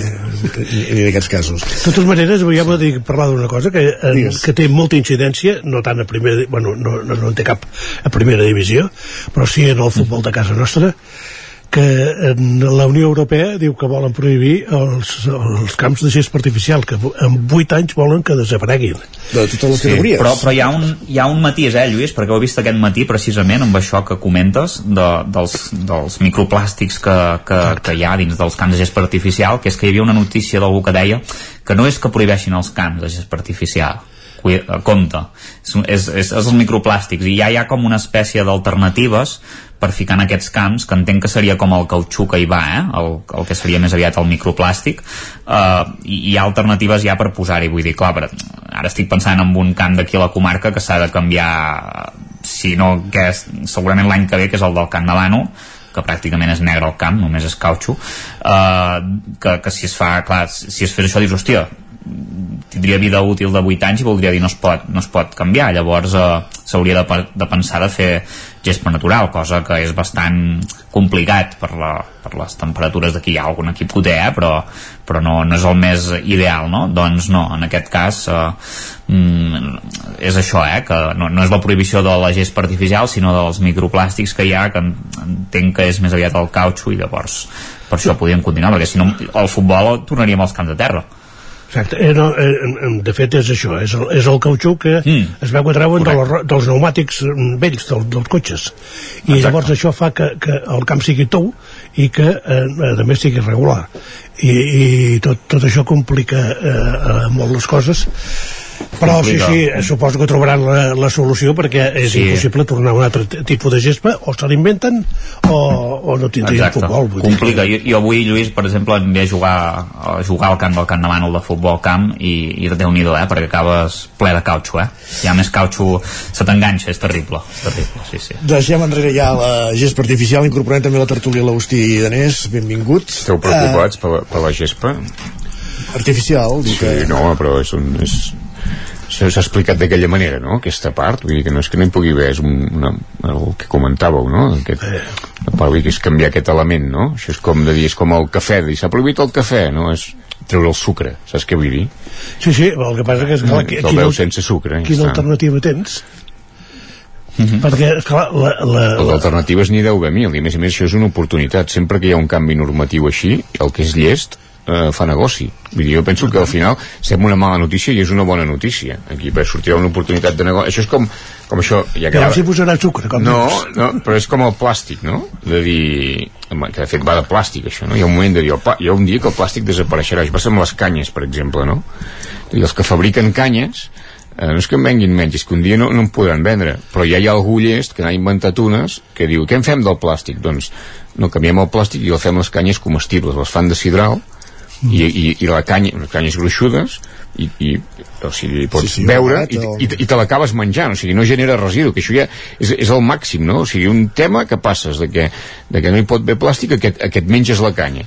Doncs aquests, el dia, aquests, i amb la gespa passarà igual. ens la menjarem No, no sé si ens menjarem la gespa, però em refereixo... no, les vaques, Però, històricament. però em refereixo, no?, que és un tema de dir, hi ha, hi ha aquest element que, que, és, que és nociu. Això queda prohibit, molt bé, doncs els que siguin llestos, i a més a més anunciat, no?, hi haurà un moment, el 2030, que hi haurà algú que es farà ric aquí. Fa gin tònics i vermuts ai, tu, tot això tu eh, hi, haurà, hi haurà algú que es farà ric. Hi haurà algú que es farà ric. Ja, ja, ja, si és de Vic. que va, tant en tant pots servir canyes tu també Sí, aquestes me les menjo. doncs va, eh, deixem enrere la, la gespa eh, ara sí torna la, com dèiem ha acabat ja aquest, aquesta finestra de partits de, de seleccions, torna la competició el Barça rep diumenge l'Atlètic de Bilbao però ja el, molt la mirada posada està amb el diumenge el dissabte següent que arriba el el primer clàssic de, de la temporada. Agustí va, que avui ja és Sí, eh, és això el, és, to, to, tothom parla del clàssic però sempre en aquestes qüestions hi ha un hi ha un element distorsionador que és que malauradament val 3 punts també. Vull dir que el clàssic són 3 punts. Sempre hi ha algun d'allers que diu no són 6 perquè ells no sumen no, són, 3, són 3 punts és un partit que són 3 punts i el del Bilbao també per tant primer s'ha de guanyar l'Atlètic de Bilbao i després sí, home, aquest partit hi haurà tots el els... Shakhtar pel mig, eh? Sí, també, però a la, aquesta vegada ho tenim més encarrilat a la Champions, no? El Barça ho té més encarrilat. I el partit aquest del Madrid, que excepte l'hora, que un dissabte un quart de cinc, no sé, és l'hora de, de la canalla, no? El dissabte un quart de cinc és l'hora de futbol base. Hora de la Xina i l'hora de, Sí, de, de però el, el dissabte, no? No sé, no m'agrada però bueno, no, és, no tampoc és mala hora vull dir, serà clar, tocarà a la gent que hi vagin dinar d'hora els accessos a veure com funcionen perquè aquest dia sí que serà la primera prova de foc important a Montjuïc de- d'un d'un ple total segurament no? vull dir que ja hi ha hagut gent però no hi ha hagut aquesta massificació. Que per cert eh, no hi aniràs pas tu. Uh, no, no ho tinc previst perquè eh, és Per que va, vaig, quedar, eh, vaig quedar sorprès de què? l'entrada més barata eh, eh, eh, els gols que vol dir que veure en- entre veure'l des de Vic i des de- des d'allà darrere les porteries és més o menys igual 161 euros Doncs s'ha de fer caixa la gent aquí o, o, des de Vic o des d'allà darrere. o ets, o, ets, o ets diferent o ets barat no? per tant has de ser diferent per ser car dir, això no ho pagaria ningú per anar a veure un partit de segona divisió no? però un partit únic i un partit de primera sí bueno, si és un partit únic com és aquest vull dir, la, hi ha gent que ho paga està bé ah, que hi ha gent que ho paga sí, molt bé perquè serà ple a més a més eh? hi ha gent també que compra droga i tot això no, no té... serà, serà ple, a més a més. Són experiències úniques, vull dir, no és, un, és una experiència. Uh, i el Madrid mentrestant juga amb el Sevilla aquest cap de setmana també amb la mirada posada uh, en aquest partit del proper dissabte, Isaac. Mm, un partit complicat. Serà la, la retrobada de, de Sergio Ramos amb el Madrid que això també fa, fa gràcia i em sembla que a més a més eh, serà el primer partit amb el nou entrenador el Diego Alonso que, que, que ha fitxat el Sevilla perquè va destituir en Mendilibar. Aquests dies han passat coses que és que van destituir un entrenador i bé, sempre es diu allò que entrenador no, havia, no victòria segura ja ho veurem. Però, però en tot cas és un partit fora de casa. Sí que és veritat que els últims anys el Madrid ha guanyat per la mínima en el camp de, del Sevilla en, en diverses ocasions però, però jo trobo que és un partit complicat. Uh, han tingut dies per preparar el partit el Sevilla té menys internacionals que el Madrid per, amb nou entrenador hauran pogut agafar una mica més la, les, les tàctiques, la, la, la base una mica del que vol amb, amb aquests dies que si no hagués set una, una jornada seguida sense aquest, aquesta parada internacional.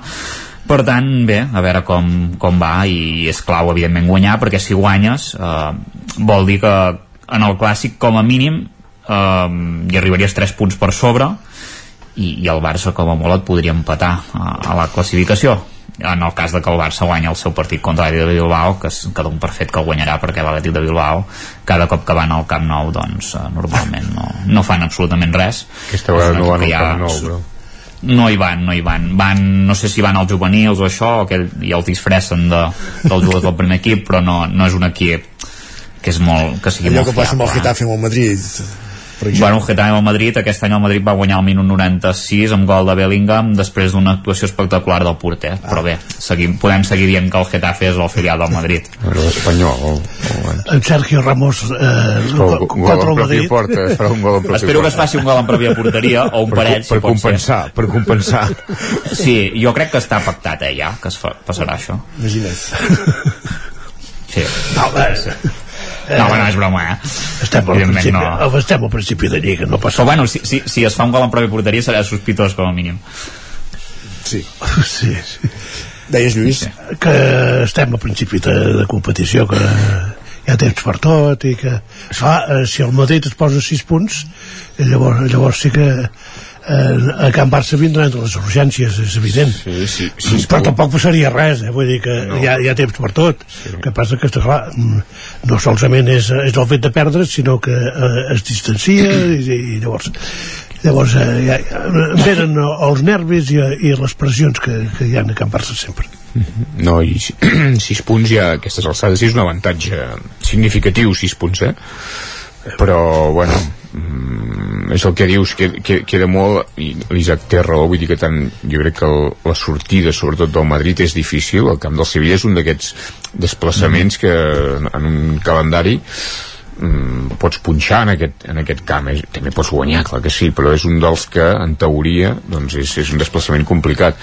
I el, i el Barça també, de fet el Barça tampoc és que hagi guanyat partits amb exagerada solvència. Vull dir que, que el Bilbao és un adversari amb els Williams en forma és un adversari que no és petit Agustí Danés, Isaac Muntades, Lluís de Planell moltíssimes gràcies, uns dilluns, un dilluns més Bon dia. Bon dia. Bon dia. Ens retrobem dilluns vinent a la tertúlia i amb els oients del Territori 17 ens retrobem demà. Acabem el Territori 17 que començàvem a les 9 en companyia de Roger Rams, Enric Rubio, Pepa Costa, Guillem Freixa Guillem Sánchez, Isaac Muntades, Lluís de Planell, Agustí, Danés, Miquel Giol, Sergi Vives, Isaac Moreno. I tornem demà a partir de les 9 fins a les hores. Bon dilluns i gràcies per ser-hi. Adéu-siau. Territori 17, un magazín del nou FM, Ona Codinenca, Ràdio Cardedeu, Ràdio Vic i La Veu de Sant Joan, amb el suport de la xarxa.